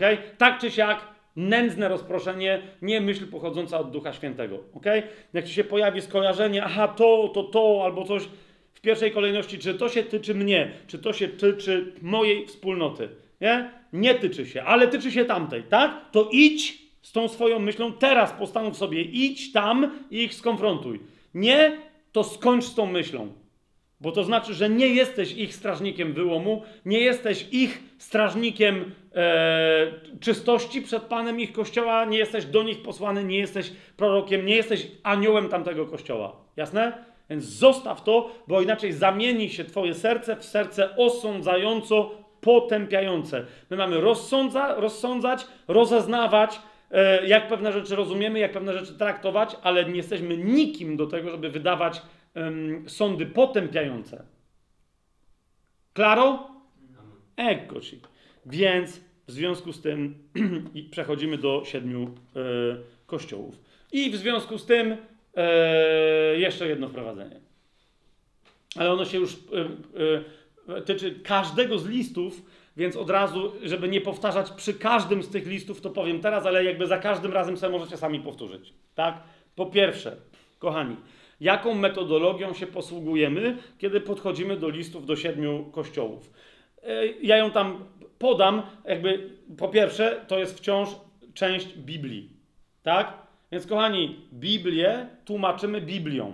ok? Zawsze założenie jest takie, że jeżeli coś nie wynika z Biblii, to nie może nam uzupełnić jakiegoś tekstu biblijnego, jakaś wiedza historyczna, filozoficzna, geograficzna i tak dalej, czy to polityczna, czy to, to jest jasne? Ona może nam uzupełnić coś, żeby unaocznić coś jeszcze bardziej, pozwolić zrozumieć coś, co wynika z Biblii, ale jeżeli coś nie wynika z Biblii, to mnie to w ogóle nie interesuje, tak? Że w jakimś tam mieście coś tam, pamiętajcie, ja czasem mówiłem o pewnych aspektach geograficznych i tak dalej, ale nawet nie wiedząc o tych aspektach, nadal te rzeczy, które wywnioskowaliśmy z Biblii, byśmy wywnioskowali. Jasne? Te dodatkowe elementy nam tylko pomagają. Więc teraz, kochani, trzy bardzo istotne punkty. Po pierwsze, ja już o tym mówiłem, ale teraz najważniejszą rzeczą, jaką mamy e, jako informację podaną w listach do każdego z kościołów, jest imię, jakim Pan przedstawia się danemu kościołowi. Jasne? I przez pryzmat tego imienia musimy rozumieć całą resztę danego listu. Ok? Halo? Tak? Mamy? Przez pryzmat tego imienia, jakim się Jezus przedstawia. To jest clue. To jest najważniejszy problem. To jest rdzeń wyzwania, przed jakim staje dany kościół, albo zwiedzenia, jakie ten kościół dotknęło. Mamy to? I teraz, dla te, więc wystarczy, rozumiecie? Zobaczcie, otwórzmy sobie, y, popatrzcie razem ze mną, Księgę Objawienia, tak? Od razu wam mówię, zobaczcie, możesz nie znać całego listu, ale nie pobłądzisz w danym liście, jeżeli zrozumiesz, czego się tyczy imię, tak? Pierwszy list do pierwszego z kościołów, do, do anioła kościoła w Efezie. Rozdział drugi, werset pierwszy. To mówi ten, który trzyma siedem gwiazd w swojej prawej ręce i który się przechadza wśród siedmiu złotych świeczników. Ok? Kto to mówi? To mówi ten, który jest głową Kościoła, który jest jedynym panem Kościoła, jedynym, który ma władzę nad Kościołem oraz ma władzę nad tymi, którzy naprawdę od niego komunikują jakieś rzeczy Kościołowi, czyli ma władzę nad prorokami. Czy to jest jasne? A więc problem tego Kościoła będzie problemem z władzą. Zobaczcie jeszcze raz. To, to będzie problem struktur, organizacji, władzy. Tak? I dopiero wtedy, jak to wiesz, zobaczysz całą resztę listu. Aha, okej. Zobaczcie, drugi y, kościół, kościół w Smyrnie. Jezus się przedstawia, to mówi pierwszy i ostatni, który był umarły, ale który ożył. Tak? Tam nie ma problemu żadnego w tym kościele, tylko żeby wytrwał aż do śmierci, a nie będzie długo musiał trwać, bo tam jest mowa o, tym, o, o bardzo krótkim określa, więc Jezus mówi: Ja jestem początkiem historii i końcem historii. Początkiem historii całej ludzkości, końcem historii całej ludzkości. Ja jestem początkiem historii Twojego życia i końcem historii Twojego życia. Zostań mi wierny, a nie możesz umrzeć, bo kto we mnie wierzy, nie umrze na wieki, bo ja umarłem, ale zmartwychwstałem i żyję. I Ty również żyjesz i żyć będziesz. Rozumiecie? To jest to, cała reszta tego listu, tego się tyczy. Jezus mówi, zostań wierny, bo żyjesz i będziesz żyć. Nic ci się nie stanie, mimo że chcą cię zabić. Tak? E, list do kościoła, do anioła kościoła w Pergamonie. Tak? Jak kościół w Efezie ma problem ewidentnie strukturalny, eklezjologiczny bym powiedział, tak ten kościół ma problem z wiernością Słowu Bożemu. Widzicie, co się dzieje? Tak? To mówi ten, który ma ostry miecz obosieczny. Twa, czwarty kościół yy, w Tiatyrze to mówi Syn Boży, który ma oczy jak płomień ognia, a jego stopy podobne są do mosiądzu. Okay? To, yy, yy, co to znaczy, że, że to mówi Syn Boży? To znaczy, że rozumiecie, jeżeli Jezus siebie nie nazywa, albo jego Biblia nie nazywa synem człowieczym, co ma swoje konkretne konotacje, to znaczy, że to jest ten, który zasiada po prawicy Ojca jako król, władca i sędzia. Okay? Jeżeli jego oczy płoną, to znaczy, że one płoną po to, aby oczyścić wszystko to, co widzi, tak jak się oczyszcza złoto. Okay? Jeżeli ma stopy podobne do mosiądzu, to jest powtórka z pierwszego rozdziału z 15 wersetu, jego stopy podobne do mosiądzu. A wielu egzegetów tu zwraca uwagę znawców greki, że to nie jest zwyczajny brązowy mosiądz, ale rozpalony e, do granic możliwości, nie rozpuszczający się jeszcze, ale tak gorący, jak to jest tylko możliwe, świecący się mosiądz. Jest to jasne? To taka noga to jest ta noga, która spada na łeb grzechu, spada na łeb węża i nie tylko, że ją miażdży, ale ją unicestwia. A więc Syn Boży to jest ktoś, kto przychodzi jako sędzia Jaki jest problem tego kościoła? Taki, że jest tolerancyjny i boi się jakkolwiek, roz... nie to, że potępić kogokolwiek, bo nie ma, tak? Ale ma rozsądzając podjąć decyzję, a on nie chce podjąć decyzji, tylko mówi, kim ja jestem, żebym cokolwiek sądził. Ten kościół, ok? Jak y, się mu bliżej przyjrzymy, to to również zobaczycie. Następny kościół, piąty kościół w Sardes. Jezus do niego pisze, to mówi ten, który ma siedem duchów Boga i siedem gwiazd. Ok? To są prorocy, ale to jest przede wszystkim Duch Święty przemawiający przez, e, przez proroków. Jaki będzie mieć problem ten Kościół? E, z niezrozumieniem Ducha Świętego, z fałszowaniem obecności Ducha Świętego i znaków Ducha Świętego. Okay? Również z fałszowaniem przejawów Ducha Świętego i e, prorokowania, ale jak tam dojdziemy, to to będzie oczywiste. E, do kościoła w Filadelfii Pan Jezus się przedstawia jako ten, który ma klucz Zawida. Klucz, który y, y, y, kiedy on otwiera, to nikt nie zamknie, a kiedy się zamyka i nikt nie otworzy. I to jest dokładnie to, jakie zadanie Pan Jezus daje temu kościołowi. Ja wam zostawiłem otwarte drzwi, więc przez nie przejdźcie, skorzystajcie z tego i wykorzystajcie swoje zadanie. I wreszcie do kościoła w Laodycei Pan Jezus mówi, to mówi Amen. Świadek wierny i prawdziwy, początek stworzenia Bożego. To jest Kościół, który jest niewierny, który w swoim zafałszowaniu poszedł tak daleko, że być może w jego szeregach jest mnóstwo ludzi, którzy nie są nowym Bożym stworzeniem. Jasne to jest? On mówi, on jest początkiem Bożego stworzenia. Wy macie z tym problem.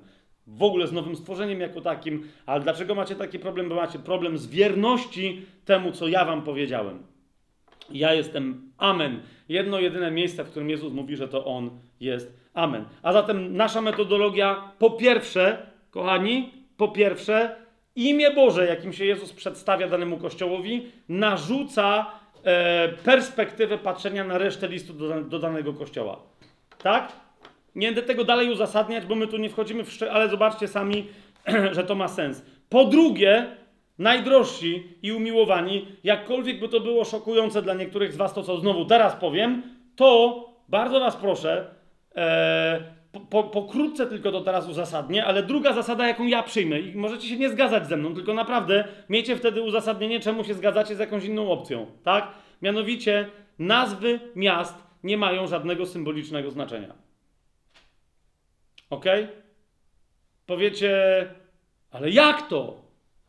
Przecież Filadelfia. Owszem, Filadelfia fantastycznie się składa, że się nazywa Filadelfia, czyli to znaczy miłość braterska.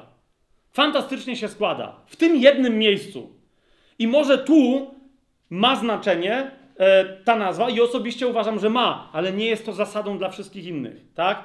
Niektórzy powiadają, no a kościół w Sardes, gdzie jest napisane, to mówi ten, który ma się i tak dalej, e, znam twoje uczynki, że masz imię, który mówi, że żyjesz, ale jesteś martwy. Czy Pan Jezus tu się nie odnosi do znaczenia wyrazu Sardes? Nie, nie odnosi się, bo Sardes znaczy czerwoni. Do, dosłownie. I jakby komuniści? Czy nie wiem, kibice Widzewa, czy nie wiem, nie wiem, czy oni są, mają czerwone kolory. No i jakby wiecie, no nie chcę teraz nikogo nawet urazić, tylko nie, zauważcie, że Jezus mówi, że ich uczynki dają im reputację wśród innych. Na podstawie ich uczynków inni ludzie mówią, że oni mają życie, a Jezus mówi, że są martwi. Zauważcie, znam Twoje uczynki, że masz imię i tak dalej, i tak dalej. Widzicie to? A więc e, pewna nazwa, e, rozumienie tej społeczności wśród innych ludzi jest takie, że oni reprezentują sobą życie, a nie reprezentują, a to nie wynika z nazwy miasta. Jasne? I wreszcie, kochani, bardzo istotna rzecz. Otóż nie może w Księdze Objawienia, w listach do siedmiu kościołów, e, nazwy miast nie mogą mieć znaczenia symbolicznego z bardzo fundamentalnego, lingwistycznego punktu widzenia. Mianowicie w paru miejscach w ogóle nie pada nazwa miasta. Co, co ma bardzo konkretne znaczenie. Jak pamiętacie, jak wam powiedziałem, że to są kościoły, które są w danym mieście. Pamiętacie to? Ale tylko do niektórych kościołów Jezus pisze: napisz do anioła kościoła, który jest w takim a takim mieście. Nie? Natomiast ja sobie dzisiaj szybko tylko przejrzałem i być może w jednym miejscu się machnąłem, nie chciało mi się już dokładnie wczytywać w tą całą grekę, bo tylko sobie szybką notatkę robiłem, ale gdybyśmy chcieli przetłumaczyć, to pierwszy list Jezus pisze do kościoła Efezjanki. Tak, razie, co, co? No dokładnie, rozumiecie, jakby nie do kościoła, które jest w Krakowie, do kościoła Krakusów, ale do kościoła Krakowianki. I dosłownie tu jest napisane do kościoła Efezjanki. Napisz, co? No to tak jest napisane. Dalej, drugi list jest napisany do anioła kościoła Smyrneńczyków. Ponieważ tam jest liczba mnoga obywateli Smyrny. Nie ma, nie ma, no jasne, no to oni są obywatelami Smyrny, potem jak Efezjanka, ale rozumiesz, tam nie ma kościoła, który jest w Efezie, kościoła, który jest w Smyrnie. Tak? Potem mamy dopiero list do anioła kościoła w Pergamonie, w Tiatyrze, w Sardes i w Filadelfii, ale potem mamy ostatni list do anioła kościoła Laodycejczyków. Bardzo interesujące, bo do La jest kościół Laodycejczyków, tak jak jest kościół Smyrneńczyków. I te dwa kościoły są ze sobą również na innych poziomach, czyli rozumiecie, zwraca się do nich w podobny sposób Pan Jezus, a one są dokładnie pod jednym względem mocno skontrastowane. Nie? Więc to jest istotne, jak się Pan Jezus zwraca, więc jakby pośrednio pojawiają się nazwy tych siedmiu miast. Czy to jest jasne? Ale gdy chodzi o Laodyceę, Smyrnę i Efes, nie ma mowy o kościole, kościele w tej miejscowości, tylko, no właśnie, jest takie dziwne sformułowanie, które za każdym razem to jest kościół ludzi, którzy są związani jakoś z daną miejscowością. Ma, ma to sens? Ale zauważcie, jakby same te miejscowości i ich nazwy nie mają symbolicznego znaczenia. Widzicie to? Nie będę nawet dalej w to wchodził, ale jakby to jasne, że byłoby atrakcyjne, wiecie, wynaleźć, bo tu Efes znaczy coś tam. Na przykład Smyrna de facto, znowu nie będę, wiecie, w jakąś tam e, etymologię wchodzić i tak dalej, ale to jest jeden z takich wyrazów, który jest jasny. Smyrna oznacza mirrę. No i jakby teraz wiecie, że no bo kto zje mirrę, jak się mirrą zaprawi wino, to ono jest gorzkie, a ci tam przelewali krew, a to jakby dobra, fajnie ale Księga Objawienia ma objawiać, a nie tworzyć dodatkowe rebusy, tak? Ja nie widzę osobiście powodu, dla którego... Jeszcze raz, Filadelfia to jest jedyne miejsce, gdzie się dobrze składa, tak? Akurat im się złożyło. E, ale jeszcze raz, e, to jest jedyny przypadek, cała reszta za specjalnie z nazwy danej miejscowości bym nie wyprowadzał jakiejś teologii, jak niektórzy to czynią. Jasne? I na tej podstawie potem jest znaczenie całego listu. Znaczenie danemu listowi narzuca imię, jakim się Pan Jezus przedstawia, a nie jak się nazywa miejscowość, w której Jezus ma kościół. Która jest, no to po prostu to nawet to nie jest nazwa jego kościoła, czy to jest jasne? Tak? Istnieje coś, co się nazwało kościołem, to jest mianowicie kościół rzymski, tak? I on się nazwał, że on jest katolicki, ale on wyraźnie nazwał się kościołem rzymskim. To jest kościół należący do Rzymu. To jest kościół, który uznał, że imię Rzymu jest jego imieniem. To jest to, ale Pan nie ma nigdzie na świecie takiego kościoła, który miałby miał czerpać tożsamość ze swojego lokalnego, geograficznego umiejscowienia. Czy to jest jasne? Tyle. I wreszcie trzecia bardzo istotna rzecz. Ja rozumiem, że do każdego z listów Pan Jezus pisze, temu kto zwycięży, dam to albo dam tamto. Ale nie należy ta część listu do tego, co stanowi problem Kościoła lub też wyzwanie danego Kościoła, o którym pisze Pan Jezus. ok? Na końcu każdego z tych listów Pan Jezus mówi, nawet jeżeli cały ten Kościół jako Kościół upadnie, nie nawrócicie się, bo pamiętacie, że Pan Jezus mówi, jeżeli się nie nawrócisz, to zrobię to czy dam to. Tak? Pan Jezus wciąż mówi, ty, e, nawet kiedy cały twój Kościół się rozlatuje, nadal, będąc w sercu mi osobą wierną, zostań wierny, bo nadal zwycięzca otrzyma swoją nagrodę. Rozumiecie? Ale, ale my dzisiaj nie będziemy. To nie jest tak. E, każdy zwycięzca z każdego kościoła otrzyma całość tej nagrody, która jest opisana na końcu siedmiu listów. Tak? Tak? Rozumiecie, co teraz powiedziałem? Bo to jest nagroda dla pojedynczej osoby. Zwycięzca otrzyma to, to, to, to, to, to, to. W każdym kościele Pan Jezus przypomina część nagrody, ale każdy zwycięzca otrzyma całą nagrodę.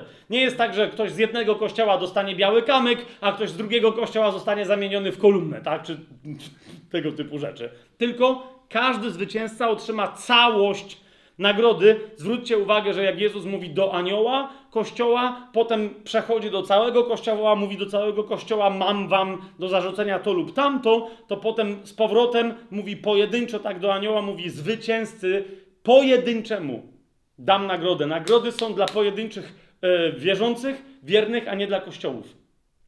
Jasne? Plus, kochani, nagroda, koncepcja nagrody jest mocno związana z koncepcją zapłaty. Nagroda to nie jest to samo co zapłata. Tak? Mamy to? Więc powiemy sobie o nagrodzie dla zwycięzcy, tudzież dla przezwycięzcy, jak będziemy mówić e, o zapłacie. Pan Jezus mówi, że wracam, a razem ze mną idzie moja zapłata. Czym się różni jedno od drugiego, co jest gwarantowane tym, którzy są usprawiedliwieni i nowonarodzeni, co jest zależne od tego, jaki my owoc przyniesiemy, czy jest taka zależność, czy nie ma i tak dalej, to wtedy sobie będziemy o tym mówić. A więc nie będziemy przy okazji listów do siedmiu kościołów mówić o nagrodach dla zwycięzcy, bo one nie są nagrodami dla kościołów.